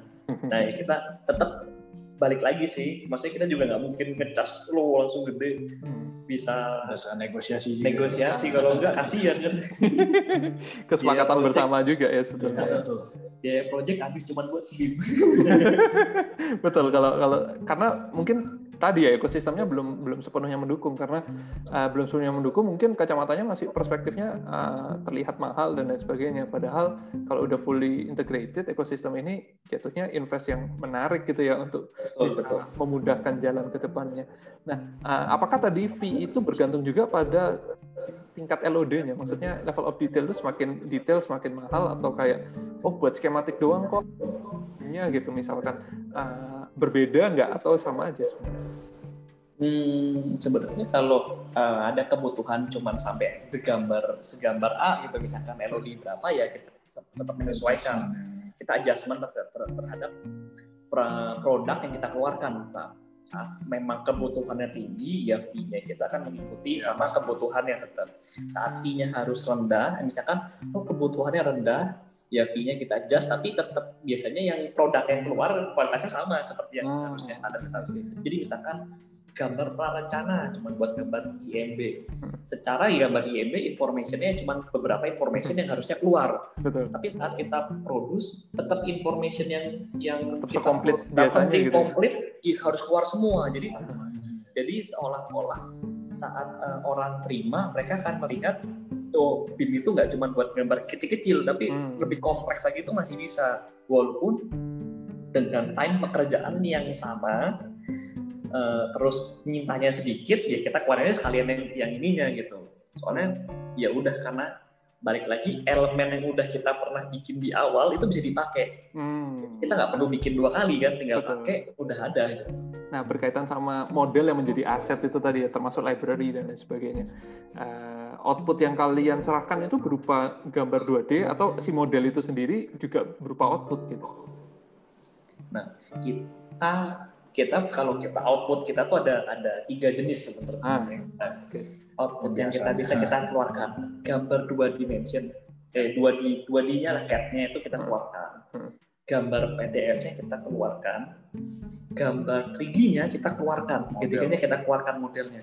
Nah, modelnya ini biasanya bisa diakses sama klien atau arsiteknya by hmm. software Uh, jadi ada softwarenya bisa di download di handphone atau gitu. bisa atau bisa download di tab hmm. ya bisa di download atau langsung browser ya. atau lewat browser hmm. jadi uh, mereka punya uh, punya privilege untuk membawa gambar projectnya itu ke mana-mana hmm. jadi seolah-olah di satu handphone ini ada projectnya gitu hmm. jadi oh mau ke lapangan nggak bawa buku gambar yang tebel ya di handphone apa di tab apa ya model itu sendiri gitu ya uh, dan kita juga um, mencoba untuk memberikan klien atau arsitek akses ke project ya 24 jam live gitu. Jadi kita setiap kita habis melakukan pekerjaan, kita akan nge-save project itu ke cloud. Ya, cloud base berarti ya. Ya, cloud base dan cloud ini itu diakses lewat website Hmm. Jadi orang-orang kalau nggak punya softwarenya atau nggak mau nggak mau download atau nggak bisa apa di luar, hmm. mereka tinggal ngeklik ada uh, versi viewer gitu ya. Iya ada viewernya, modelnya kelihatan, semua list gambar pekerjaannya kelihatan. Oh, Oke. Okay. Jadi menarik, menarik. oh berarti gambarnya yang modelnya sekarang udah sampai tahap ini, gambarnya yang baru ke publish itu misalkan yang anak potongan. Hmm. Next berapa hari berikutnya modelnya udah lebih update, gitu ya. gambarnya lebih banyak yang diupdate lebih lengkap. Nah hal ini membuat sebenarnya transparansi setiap orang bisa lihat progresnya BIM itu sampai mana. Hmm. Uh, yang udah dikerjakan mana, yang kurang mana. Nah, jadi nggak cuman layaknya arsitek doang, tapi klien juga punya. Oh, bangunanku seperti ini gitu. Bisa kelihatan. Real time berarti ya? Real time. Oke, okay. itu bahkan kalian bekerjanya juga cloud based atau bekerjanya offline, kemudian sampai tahap tertentu diupload ke cloud? Kita dari awal mulai kita start uh, buka buka softwarenya itu udah cloud. Ah, Karena okay. kita ada punya satu, kita uh, mencoba satu sistem kita punya satu server yang harus kita dedikasikan nyala 24 jam untuk kita akses. Oh, okay. Nah, kita mengakses pekerjaannya itu semua nggak ada yang di komputer masing-masing. Jadi hmm. komputer kita itu cuma untuk mengoperasikan semua data itu ada di server. Oh, Oke, okay. jadi saat memudahkan kita, di mana pun bisa diakses. Ya, gitu jadi ya. bisa saat kita WFH, orang-orang harus ke kantor ngambilin data. Jadi kita bisa kita di rumah tinggal akses cloud-nya bisa bisa kerja dan yang paling enak kerjanya kita yang pakai BIM yang paling uh, paling menguntungkan tuh kadang-kadang problem saat kita harus kerjanya rembuk rame-rame nih. Hmm. Kadang-kadang kita begitu kerja, misalkan saya kerja lantai satu, dia harus misalkan Yohanes lantai dua nih, kan problemnya kita harus kalau yang sistem konvensional kita harus copy datanya terus saya kerja lantai satu dia lantai dua. Terus lost track ya udah update sampai mana filenya versi yang mana. Ya nah sedangkan kalau kita pakai BIM yang kita kerjakan sekarang dan cloud base filenya cuma satu hmm. saya ngakses saya ngakses ke datanya Yohanes ngakses ke datanya. Kalau dia mengedit lantai dua dia harus mereserve semua lantai dua saya mereserve semua lantai satu saat Yohanes nge-set perubahannya ke server saya terima perubahan dari server ya, otomatis jadi satu gitu ya. model ya. itu otomatis semua hmm. Oke, okay, menarik. Um, cloud base dan lain sebagainya. Tadi um, bahkan dalam proses klien bisa in charge gitu ya, bisa tahu update dan lain sebagainya di satu sisi mungkin ada sisi dalam tanda negatifnya juga ya. Maksudnya eh, kadang-kadang uh, kan kalau sebagai arsitek kita ngerem ya ngerem progres. Artinya uh, oh sampai titik tertentu baru deh dikomunikasikan ke klien soalnya kalau masih dalam progres yang early gitu belum belum udah dikomentari. Padahal belum belum sampai ke situ. Maksudnya itu masih perlu dikerjakan selanjutnya dan sebagainya. Mengalami hal yang sama nggak? Atau nggak ada masalah? Ya pernah ya ada ya. Ya mungkin nggak banyak sih. Cuman ya kita pas lagi progres itu mereka pas lihat ternyata ada nih wah kayaknya nggak enak nih gitu tapi di satu sisi kita malah sebenarnya senang saat ada perubahan itu kita tahu di awal. Ah, I see. Karena saat perubahannya itu kita tahu di akhir, wah itu nyusahin banget karena kita harus mengubah pekerjaan lagi kan. Uh. Saat mereka di awal harus ngecek tiba-tiba, wah, oh gambarnya kayak gini ya. Hmm apakah salah di kita, misalkan salah di tim um, BIM-nya dalam menggambarkan mm-hmm. atau ada kesalahan dari tim desainernya dalam menggambarkan mendesain itu gitu. Ah, Tapi jadi ini yang seperti itu saya uh, uh, tadi bilang di awal, ini membuat harusnya masalah yang ketemu itu bukan di akhir tapi di awal. Betul, betul. Saat kita nemu masalah ya kita kadang-kadang di satu sisi ngulang lagi deh. Tapi di satu sisi ya lebih baik tahu sekarang mending di awal gitu ya. Iya betul. Nah, tadi satu hal terkait revisi mungkin uh, ada pemahaman umum kalau uh, Revit ini uh, lebih bersahabat terhadap revisi. Artinya kalau merubah sesuatu itu langsung auto update ke produk 2D-nya. Let's say seperti itu gitu ya. Kita merubah tinggi lantai, P lantai, uh, notasinya berubah, di gambar DNA berubah, di gambar potongan berubah dan lain sebagainya dengan kenyamanan seperti itu, kalian masih ngunci nggak sih batasan revisi? Misalkan kalau uh, arsitek biasanya udah maksimal dua kali deh, mayor, minor beberapa kali gitu. Kalau sebagai konsultan BIM ada ada jumlah revisi yang dikunci juga? Kalau kita kalau minor kita biasanya tum nata lah. Kita kalau minor cuma ngubah-ngubah kecil gitu kita tum nata aja deh gitu.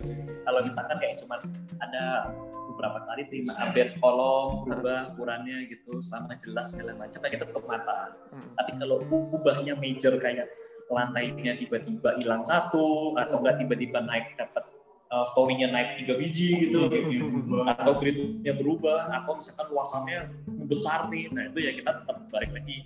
Itu hitung baru gitu ya? Ya, iya baru kita lihat oh ini major nih harus uh, harus cas tambahan atau kita kasih kesempatan kali perubahan tapi kalau kayak cuma oh pintunya huruf pintunya yang D1 kurang gede nih ya karena kita tinggal find terus determine semua ya udahlah nggak apa-apa gitu oke okay. Nah, tahap koordinasinya seperti apa sih dari arsitek tuh dapat infonya apa? WA kah atau sekedar email yang kalian auto updating? Karena tadi kan batasannya ada arsitek-arsitek yang nggak bisa uh, akses BIM gitu. Mereka order ke kalian uh, semi manual gitu. Seperti apa umumnya? biasanya kita kalau kalau kalau ya baik lagi sih kalau mereka nggak bisa akses mereka tetap uh, akan info eh, nah memberikan info memberikan update semua tetap by sistem via WA telepon gitu ya. misalkan ya kayak pakai uh, aplikasi kayak Zoom atau hmm. Google eh atau Google Meet atau Teams gitu. koordinasi koordinasi. Koordinasinya biasa ya. Hmm, tetap biasa seperti itu karena kalau kita sudah mempush mereka untuk di level itu mereka nggak nyaman apa-apa juga nggak enak kan? Jadi betul, betul. kita tetap coba mengikuti cara kerja mereka tapi workflow-nya tetap ya? Ya kita punya workflow yang kita lakukan secara internal. Kalau kalau supaya ada bayangan estimasi mengerjakan satu project let's say rumah tinggal medium gitu ya di PIM kan itu butuh berapa lama sih sampai siap model yang uh, level of detailnya standar gitu misalnya? Uh, kita pernah ada satu rumah tinggal uh, jadi desainnya udah ada jadi kita coba coba ubah yeah, model itu yeah. dalam bentuk hmm. kita butuh waktu kira-kira seminggu untuk gambar perencanaan ya. Yeah. gambar perencanaan seminggu kurang lebih model itu dua, dua tiga hari sisanya dua tiga hari berikutnya untuk gambarin gambarnya documentation, documentationnya betul. Nah sisanya paling ya paling lama dua tiga minggu tuh gambar kerja semua udah keluar balik lagi uh, apa kebutuhan gambar kerjanya selengkap apa? Semakin lengkap semakin lama. Jadi kurang lebih kalau tanya dari mulai gambar perencana sampai uh, misalkan terbang uh, gambarnya selesai itu ya paling sebulanan udah ada kalau mulus. Kalau mulus nggak ada nggak ada revisi nggak ada apa jalan terus gitu. Itu sebulan udah udah keluar jadi percepatannya lumayan ya versus manual sebetulnya ya. Banyak penghematan oh. efisiensi waktu yang terjadi di, di software BIM ini. Mungkin masuk ke beberapa part terakhir dari obrolan ini gitu ya, karena cukup seru gitu ya, nggak sadar udah satu setengah jam kurang lebih. Um, yang yang bagian pertama adalah apakah BIM ini match juga untuk perkuliahan.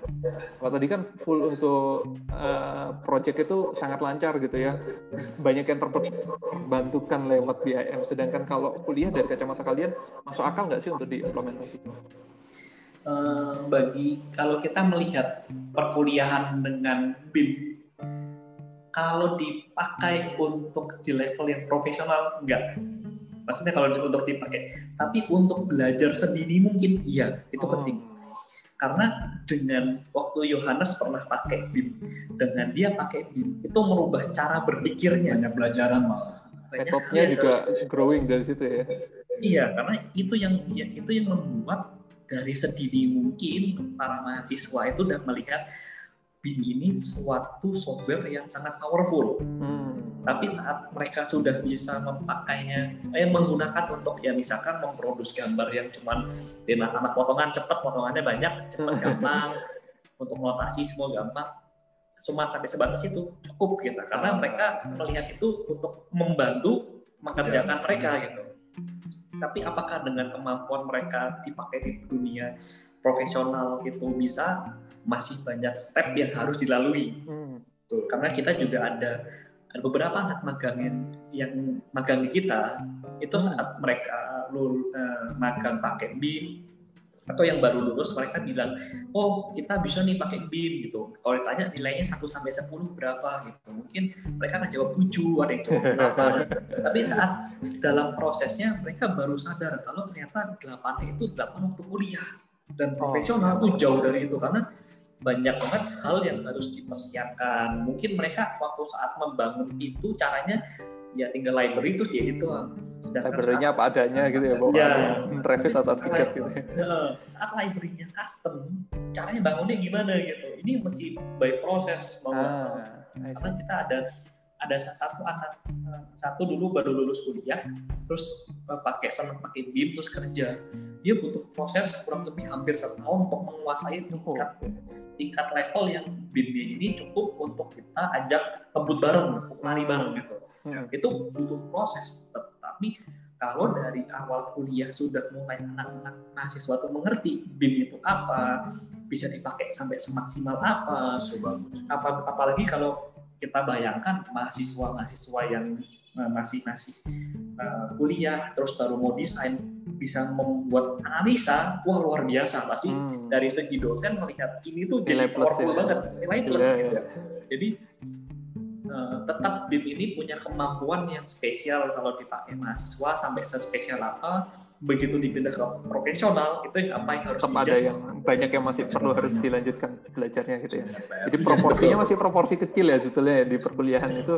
Ah, nggak uh, apa-apa dikenalin cuman mungkin kalau implementasinya masih di proporsi yang sederhana. Nah, kalau lebih rumit lagi memang perlu waktu untuk mengadaptasi diri, apalagi tadi ya beragam format, beragam library. Kalau sudah masuk ke satu biro tertentu, konsultan BIM tertentu, mungkin harus juga adaptasi ke sistemnya mereka, si konsultan BIM itu sendiri gitu ya.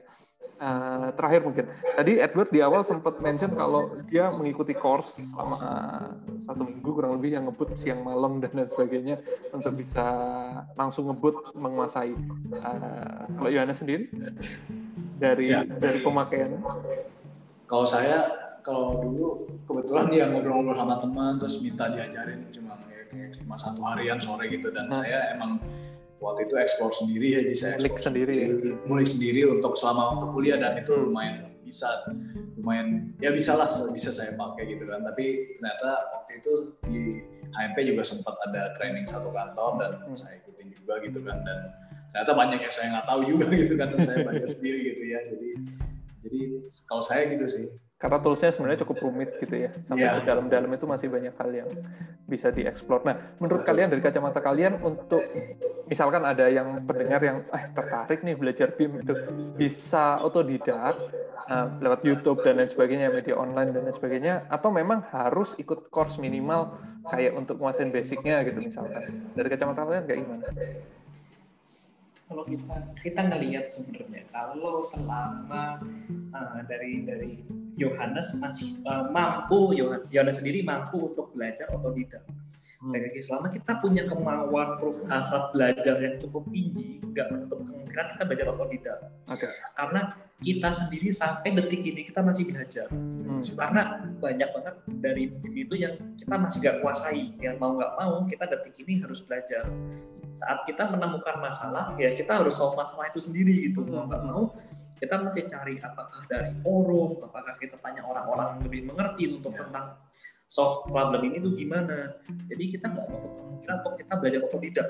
Karena dengan apalagi dengan sekarang sistem Informasi informasi yang luar biasa di mana-mana gitu, itu nggak ada kemungkinan. Tapi Oke. kalau bisa ada yang menggait ikut course kalau mampu untuk yang misalkan mengeluarkan harus yang mengeluarkan duit itu jalan tol yang paling mempercepat gitu istilahnya. antara mau persisten gitu ya lewat jalan biasa tapi mungkin takes time lebih lama atau mungkin pilih jalan tol mungkin berbayar lebih gitu ya tapi jauh lebih cepat gitu ya. Itu pilihan mungkin ya. Iya.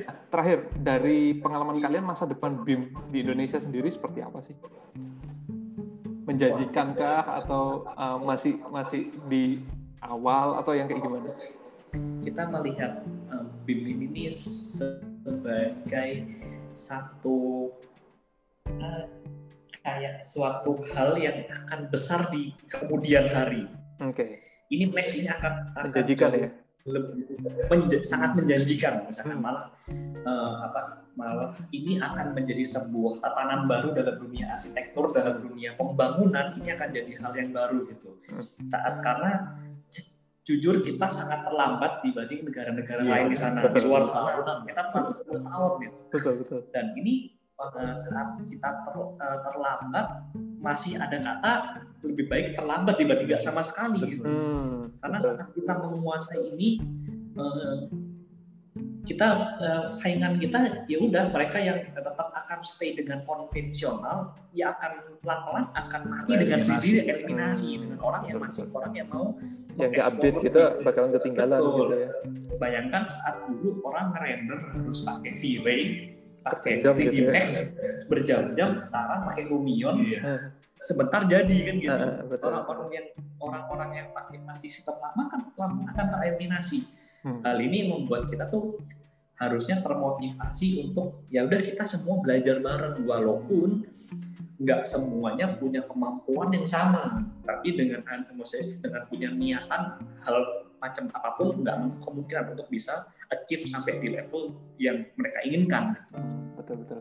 Jadi kata kuncinya sebenarnya eh, di masa depan tuh makin efisien gitu ya. Jadi kalau kita nggak update ke hal yang lebih baru, yang lebih efisien, mungkin akan ketinggalan. Dan tadi semangatnya belajar tuh bisa kok otodidak, nggak harus ha- eh, ikut course yang let's say cukup mahal biayanya, tapi eh, mungkin lebih lambat aja waktu pembelajarannya. Kalau mau lebih cepat dan serius mau di sini, banyak medium yang bisa dipakai untuk mempercepat proses belajar ini. Mungkin itu eh, terima kasih banyak Edward dan Yohanes obrolannya seru banget Sama-sama. thank you thank you banyak insight-nya yang dibagi pada kita. Mungkin ada penutup eh, kesan-kesan mungkin untuk teman-teman yang mungkin baru lulus atau mungkin baru mau mengalami BIM atau baru mau menseriusi BIM. Eh, kita sih cuman bisa kasih ya saran sedikit begini Eh, belajar sesuatu nggak harus BIM Hmm. itu bukan karena tuntutan Oke, itu itu karena niatan kita untuk menaikkan skill kita masing-masing. Value kita ya. iya value kita. Karena saat kita keluar sana saat kita eh, pindah dari kantor ke kantor lain eh, kita sendiri kita punya nilai yang orang lain nggak punya. Hmm, jadi bukan kita harus wah belajar BIM nggak? Kita harus tetap belajar apa pun itu. Hmm. nggak harus di bidang arsitektur di bidang apa pun kita nggak boleh tutup mata untuk hal itu. Hmm. karena saat setiap orang punya punya pengetahuan yang lebih dibanding orang lain dia tuh punya value yang lebih dibanding orang lain Ah, oke.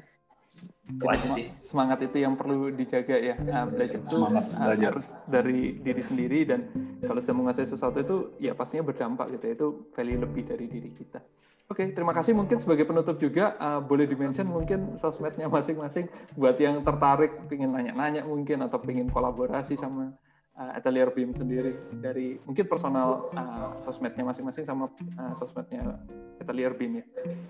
Ya, kita sih kalau kita di kalau saya sendiri sih at, eh, saya at buat Suryawan sebersambung semua E D W A R D S U R Y A W A N. Oke. Kalau Ya, ya, saya di at Yo Edwin Y O E D W I N. oke. Untuk Tapi kalau- Atelier BIM, Atelier BIM-nya at atelier.bem. dot BIM ya. Nah, BIM-nya itu Ya. BIM balok ya, Atelier. Balok. BIM balok. BIM. Oke. Dan itu juga kita lagi apa website lagi mulai dipersiapkan. Mungkin kalau website atelierbim.com. Oke, sip. Eh, itu media publikasi yang mungkin teman-teman bisa eh, ke sana untuk eh, berdiskusi ataupun misalkan mau berkolaborasi dengan Atelier BIM bisa ke sosmed tadi ataupun website yang sedang dikembangkan. Thank you banyak eh, Edward dan Yohanes atas sharingnya. Terima kasih atas, banyak juga. Ceritanya eh, semoga sukses selalu, semakin maju Atelier BIM dan sehat selalu. Terima kasih juga Pak. Terima kasih. Kasih Pak. Terima kasih. Oke, teman-teman, kita sampai di sini obrolan untuk episode kali ini. Sampai jumpa di episode mendatang. Terima kasih.